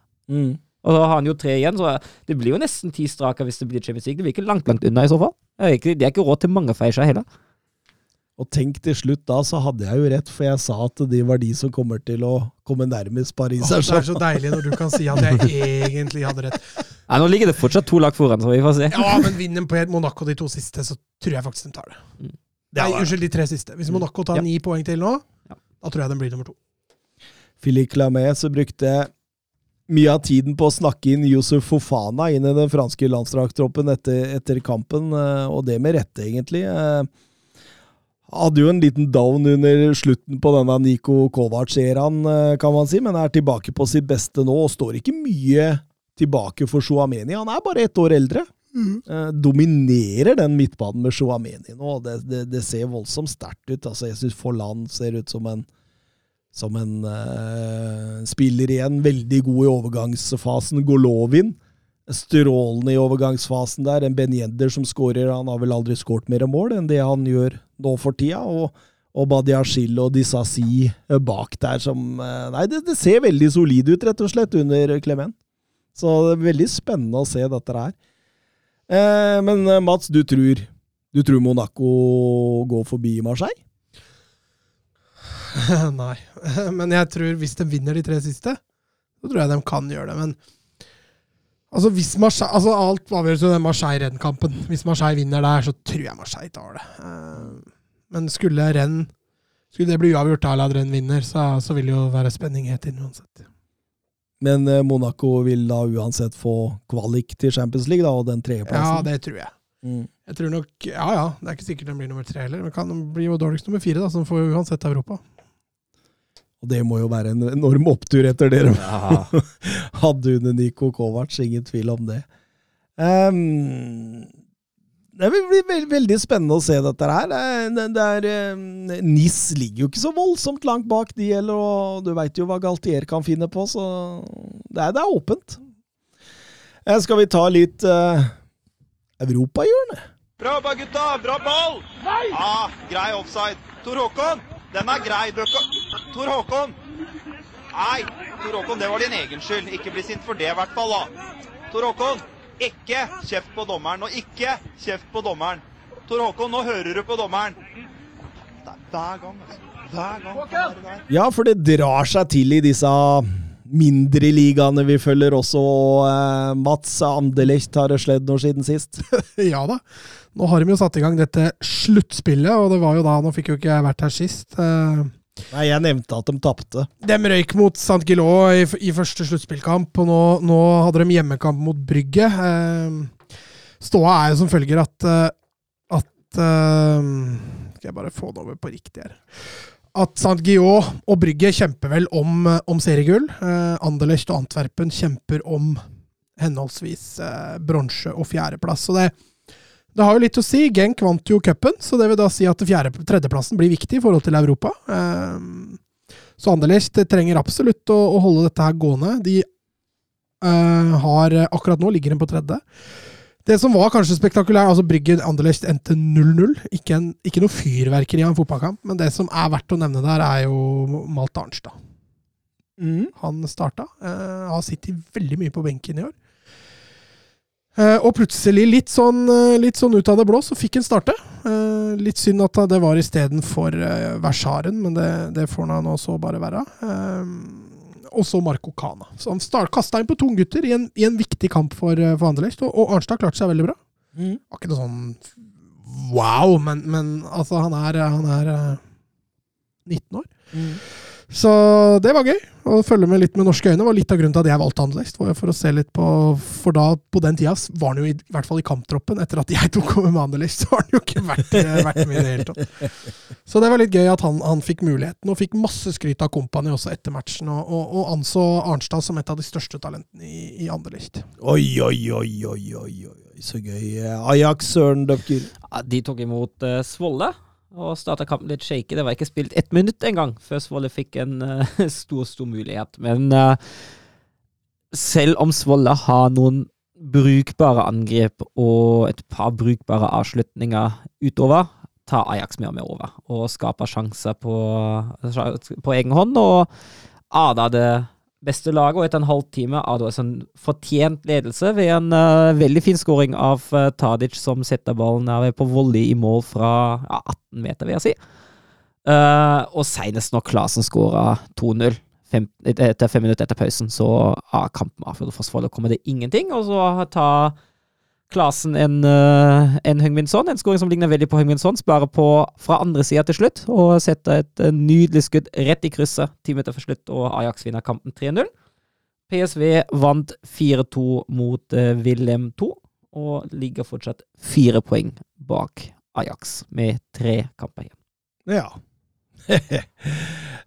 um, Sporting Lisboa, da er vi i Liga Noss, for de som ikke er klar over det. Dem, em, ja, de fikk et lite halmstrå da, da Porto vant eh, Nei, tapte forrige runde mot Braga, men eh, det er jo fortsatt disse seks poenga, da. Og, og Sporting Lisboa de tok imot Will Vil Gil Vicente, og det var jo fullstendig overkjøring fra start til slutt. Jeg må si jeg liker veldig godt sammensetningen av laget til Amorim i denne kampen. altså En trebekslinje med Neto, Inacio og, og, og Mateus. Pedro Porro og Nuno Santos på vingbekken og Palinja og, og Luis eh, sentralt balanserende, med Marcus Edvards og Pedro Gonsalves rundt en sånn Sarabia i en falsk nier. Det syns jeg fungerte veldig bra. altså Gil Vicente hadde rett og slett ingen sjanse i verden her. Og, og, og Gonsalves og, og Edvards de herja, og det kunne fort vært mer enn 4-1, dette her. Eh, Porto vant også sin kamp, 4-2 over Vizela. Jeg tror, tror Vizela hadde en XG på 0,09. Eh, likevel klarer å skåre to mål, så, så jeg, lurte, jeg lurte litt på Jeg så ikke åssen mål dette var, men Det var vært langskudd fra sånn 20-25 det var voldsomt. Men, mens Benfica slo Maritimo 1-0 etter en tidlig Darwin Nones scoring, så da er det Altså, det er eh, totalt uforandra siden sist. Eh, Porto leder med seks poeng på Sporting, som leder eh, videre med åtte poeng på Benfica. og det er jo i realiteten avgjort da det bare er to kamper igjen å spille. Eh, målforskjellen mellom lagene er 16 plussmål til Porto. Så altså, for at dette ikke skal bli Porto-gull, så må Sporting vinne to. Eh, Porto må tape to. Og det må være 16 mål i difference mellom de to. Det skjer nok ikke. Så jeg, jeg antar at det ikke skjer. Porto spiller også cupfinale mot Tondela, så det blir det, Du må si at Sergio Concesaos menn har gjort en, en god sesong denne gangen. Um, ingen kunne vel tro at de tok seg videre fra gruppespillet med, i Champions League med Liverpool, Atletico Madrid og AC Milan. Kanskje litt Skuffende at Porto røyk mot Lyon i, i Europa League, jeg veit ikke, men Men sånn blei det. Eh, Jonathan Hobber, avgjørende i semifinalen i Champions League, Europa League og Conference League denne uken. Hvem går videre basert på det første oppgjøret? Champions League. Kan, skal vi ta oppgjørene Altså, jeg tipper jo det blir Liverpool og City, men eh, Jeg tror det, jeg. Ja, jeg er ganske sikker på det, egentlig. Eh, Det eneste der er Real Madrid kan selvfølgelig ha kvaliteter nok til å stikke litt kjepper i hjula for City. Jeg ser ikke hvordan Villarreal skal greie Altså, De må få et tidlig mål, og så må Liverpool bli litt shaky, og så må de være bunnsolide, og så må de få et nytt Nei, Det går ikke. Nei, jeg ser ikke at det skjer. Så Liverpool tror jeg er grei. City fortsatt favoritter. Eh, nå, nå ser jo eh, Nå ser også Alaba ut til å være ute mot City. Ja, ikke, ikke bra. Uh, så nei, uh, 65 fordel City. Eh, Europa League. Eh, der er jo Frankfurt mot Westham. Eh, Frankfurt har en 2-1-seier å gå på, mens eh, Rangers eh, tar imot RB Leipzig hjemme. Der har Rangers eh, ligger 0-1 eh, under siden forrige oppgjør. Nei, jeg tipper på tysk finale der, ja. Eh, Leipzig tror jeg har kvalitet nok til å slå Rangers også borte, uh, mens jeg tror kanskje hjemmepublikum kan utgjøre den avgjørende forskjellen for Eintracht Frankfurt i en jevn kamp, sikkert, mot uh, Westham. Jeg tror Westham Leipzig. Jeg tror eh, Frankfurt eh, Leipzig. Um, jeg var enig med deg, Søren. Ja. Heltysk. Heltysk. Uh, siste i eh, Conference League, eh, Marseille eh, Feinor. Der har Feinor en 2-3-ledelse å gå på. Roma-Lester endte 1-1 i England. Ja, jeg syns Roma-Lester kanskje er vanskeligst. Jeg tror Marseille snur mot Feyenoord uh, på hjemmebane. Jeg tror Mm. Marseille tar seg videre. Roma-Lester, den, den er tilnærmet 50-50, føler jeg. Den, den tror jeg blir fryktelig vanskelig å tippe. Uh, men jeg holder en bitte liten knapp på Leicester. Ja, så det blir, du tenker Marseille-Lester i finalen? Ja. Jeg er ah, ja. Men de er, de er vanskelige. Jeg er enig med deg. Jeg tror Marseille tar Feinor ganske greit hjemme nå. Og da, da, da er det opp til Leicester Roma. Det er eh, bortebane i Roma. Det er ikke lett, men Jeg tror Roma-Marseille. det er ikke umulig, det. Nei, det er ikke umulig, det. Det er vanskelig. Den er vanskelig. Um, vi fikk jo også et spørsmål fra Geir Halvor Kleiva mot slutten, men der fikk jeg en Jeg- melding på chatten fra Søren. Ja, men jeg, har, jeg rakk det likevel. Du rakk det likevel. Eh, jeg tenker at jeg kanskje kan ta dette litt på sparket, fordi jeg fikk det da når jeg var på trening. Så det er litt vanskelig å, å, å forberede. Men eh, Geir Halvor Kleiva skrev jo da kjører vi med topp fem spillere eller trenere som har blitt positiv, dere har blitt positivt overraska over denne sesongen. Og for meg, da, som ikke har forberedt noe, jeg sier Vinicius Junior. Ja, jeg har, jeg har den på min, på min liste Det, Vi har jo, vi har jo slakta han slakta ganske kraftig forrige sesong, så han, at, han har, at han har kommet inn på lista, er jo, med tanke på de prestasjonene han hadde, det skulle jo egentlig bare mangle. Ja, ja for meg så er det det er, det er den som altså, altså, vi trodde jo knapt nok hva som skjedde når han begynte å vise sluttprodukt i starten på denne sesongen. Ja, ja, nei, men Det er vanskelig å være uenig i den. Han har tatt kjempesteg i år, og, og vi har vært negative til han lenge. Ehm, så at det løsner sånn skikkelig, skikkelig, det er jo selvfølgelig også gøy, men eh, litt overraskende. Positivt. En annen som vi har slakta litt, eh, og som jeg har på min liste, er Mikael Ateta. Han eh, mener jeg er en positiv overraskelse. Han, det så helt Ja, dødt ut ja. av Arsenal-laget. Uh, vi trodde ikke at det skulle bli noe suksess før sesongen, uh, og at de nå kjemper fortsatt om Champions League, at det blir Europa neste sesong. Jeg mener at det er en positiv overraskelse. Jeg er enig med deg. Jeg er enig med deg. Han kan fint uh, være på den lista der. Uh, har du noen du tenker på, Mats? Uh, ja, altså, Det får være Andoni Raula i, i Rayo. Han syns jeg har gjort en kjempejobb. Han var jo dømt nord og ned før sesongen og starta jo forrykende. Så hadde de en forferdelig periode, men nå er de på gang igjen og, og, og kan fort klatre på øvre halvdel av tabellen. og Det, det tror jeg nok det var veldig få som eh, som hadde tippa på forhånd, så Iraola Irayo den, eh, den skiller seg nok litt ut i, i Spania. Eller så kan vi også nevne Kiki Sanchez Flores eh, i Getafe. Altså, han tok over et lag med knekt rygg, og nå, nå ligger de godt an til å klare seg i La Liga likevel. Jeg må innrømme at jeg ikke har noen av de to. Men eh, vi har to andre trenere, ja. I tillegg. Også- Oi, oi, oi. Ja, jeg har Christian Slei. Ja. jeg syns uh, Men, men var du Ja, var det så overraska? Altså, med tanke Jo, egentlig. Uh, med tanke på Han er jo en trollmann. Han er en trollmann, men med tanke på den lille klubben Freiburg er, med, Ja, med tanke er på at de egentlig får sånn De får jo innimellom en sånn god sesong, men så, som regel så selger de jo, som du sier, spillerne unna, og så blir det en sesong i bunnen igjen. Og at de klarer å overgå fjorårssesongen, som allerede var ganske brukbar igjen, det syns jeg er knallsterkt verdt, og det overrasker meg i hvert fall. De jeg så dem ikke der oppe i det hele tatt. Så blir det Champions League. Ja, men, altså, uansett hva det blir av Europa, det er jo en seier og cupfinale i tillegg. Også. Jeg syns det er, det er sterkt. Ja, det er, det er, det er super, super uh... Og så har jeg også Pioli på lista. At det skulle gå så ja, bra med Milan. Vi, ja, Det ja. trodde jeg ikke. Jeg tippa dem jo på fjerdeplass, men uh, at, det, at de fortsatt At de skulle lede serien tre runder før slutt, det så jeg ikke komme.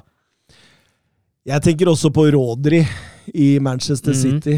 Eh, slår meg veldig. Så, altså, var ikke helt sikker i funnet fjoråret om han var Guardiolas balanserende mann. Denne sesongen syns jeg han har vært en av de beste balanserende i, i Europa. ass. Så enorm. Han har jo til og med målskårergen i seg, og hvert eneste mål han skårer, er en perle. Eh, det må jo, må jo bety noe, det òg. Så, så Rodri står høyt for meg der. eh. En annen spiller som jeg har, er en Konko. Mm. Altså, at han, han var jo ikke dårlig for sesong heller, men den eksplosjonen han har hatt, og den betydningen han har hatt for det Leipzig-laget, har jo bare båret det Leipzig-laget gjennom, eh, gjennom sesongen. Ja. Eh, det, det er enormt sterkt, og det var det ingen som Eller i hvert fall ikke jeg som hadde forutsett. Kan jeg også nevne Ramsey. Ja, Altså At han skulle slå gjennom etter hvert, det var vel kanskje ikke noe stor overraskelse, men at han har gjort det så til de grader allerede nå, Mm. det er jo litt overraskende. For han har vært, altså siste ukene har han jo vært fenomenal. Ja, ja, absolutt. absolutt. Og, og jeg, jeg tar med Renn-duoen uh, Maier og, og Laborde òg. Strålende, altså. Strålende. Eh, knapt nok hørt om dem før de leverte her. Det, så både hatten passa hele sesongen. Salernitana leder bort mot Atalanta. Og med det så sier vi ses, høres neste uke. Snakes! Ja, det Ha det.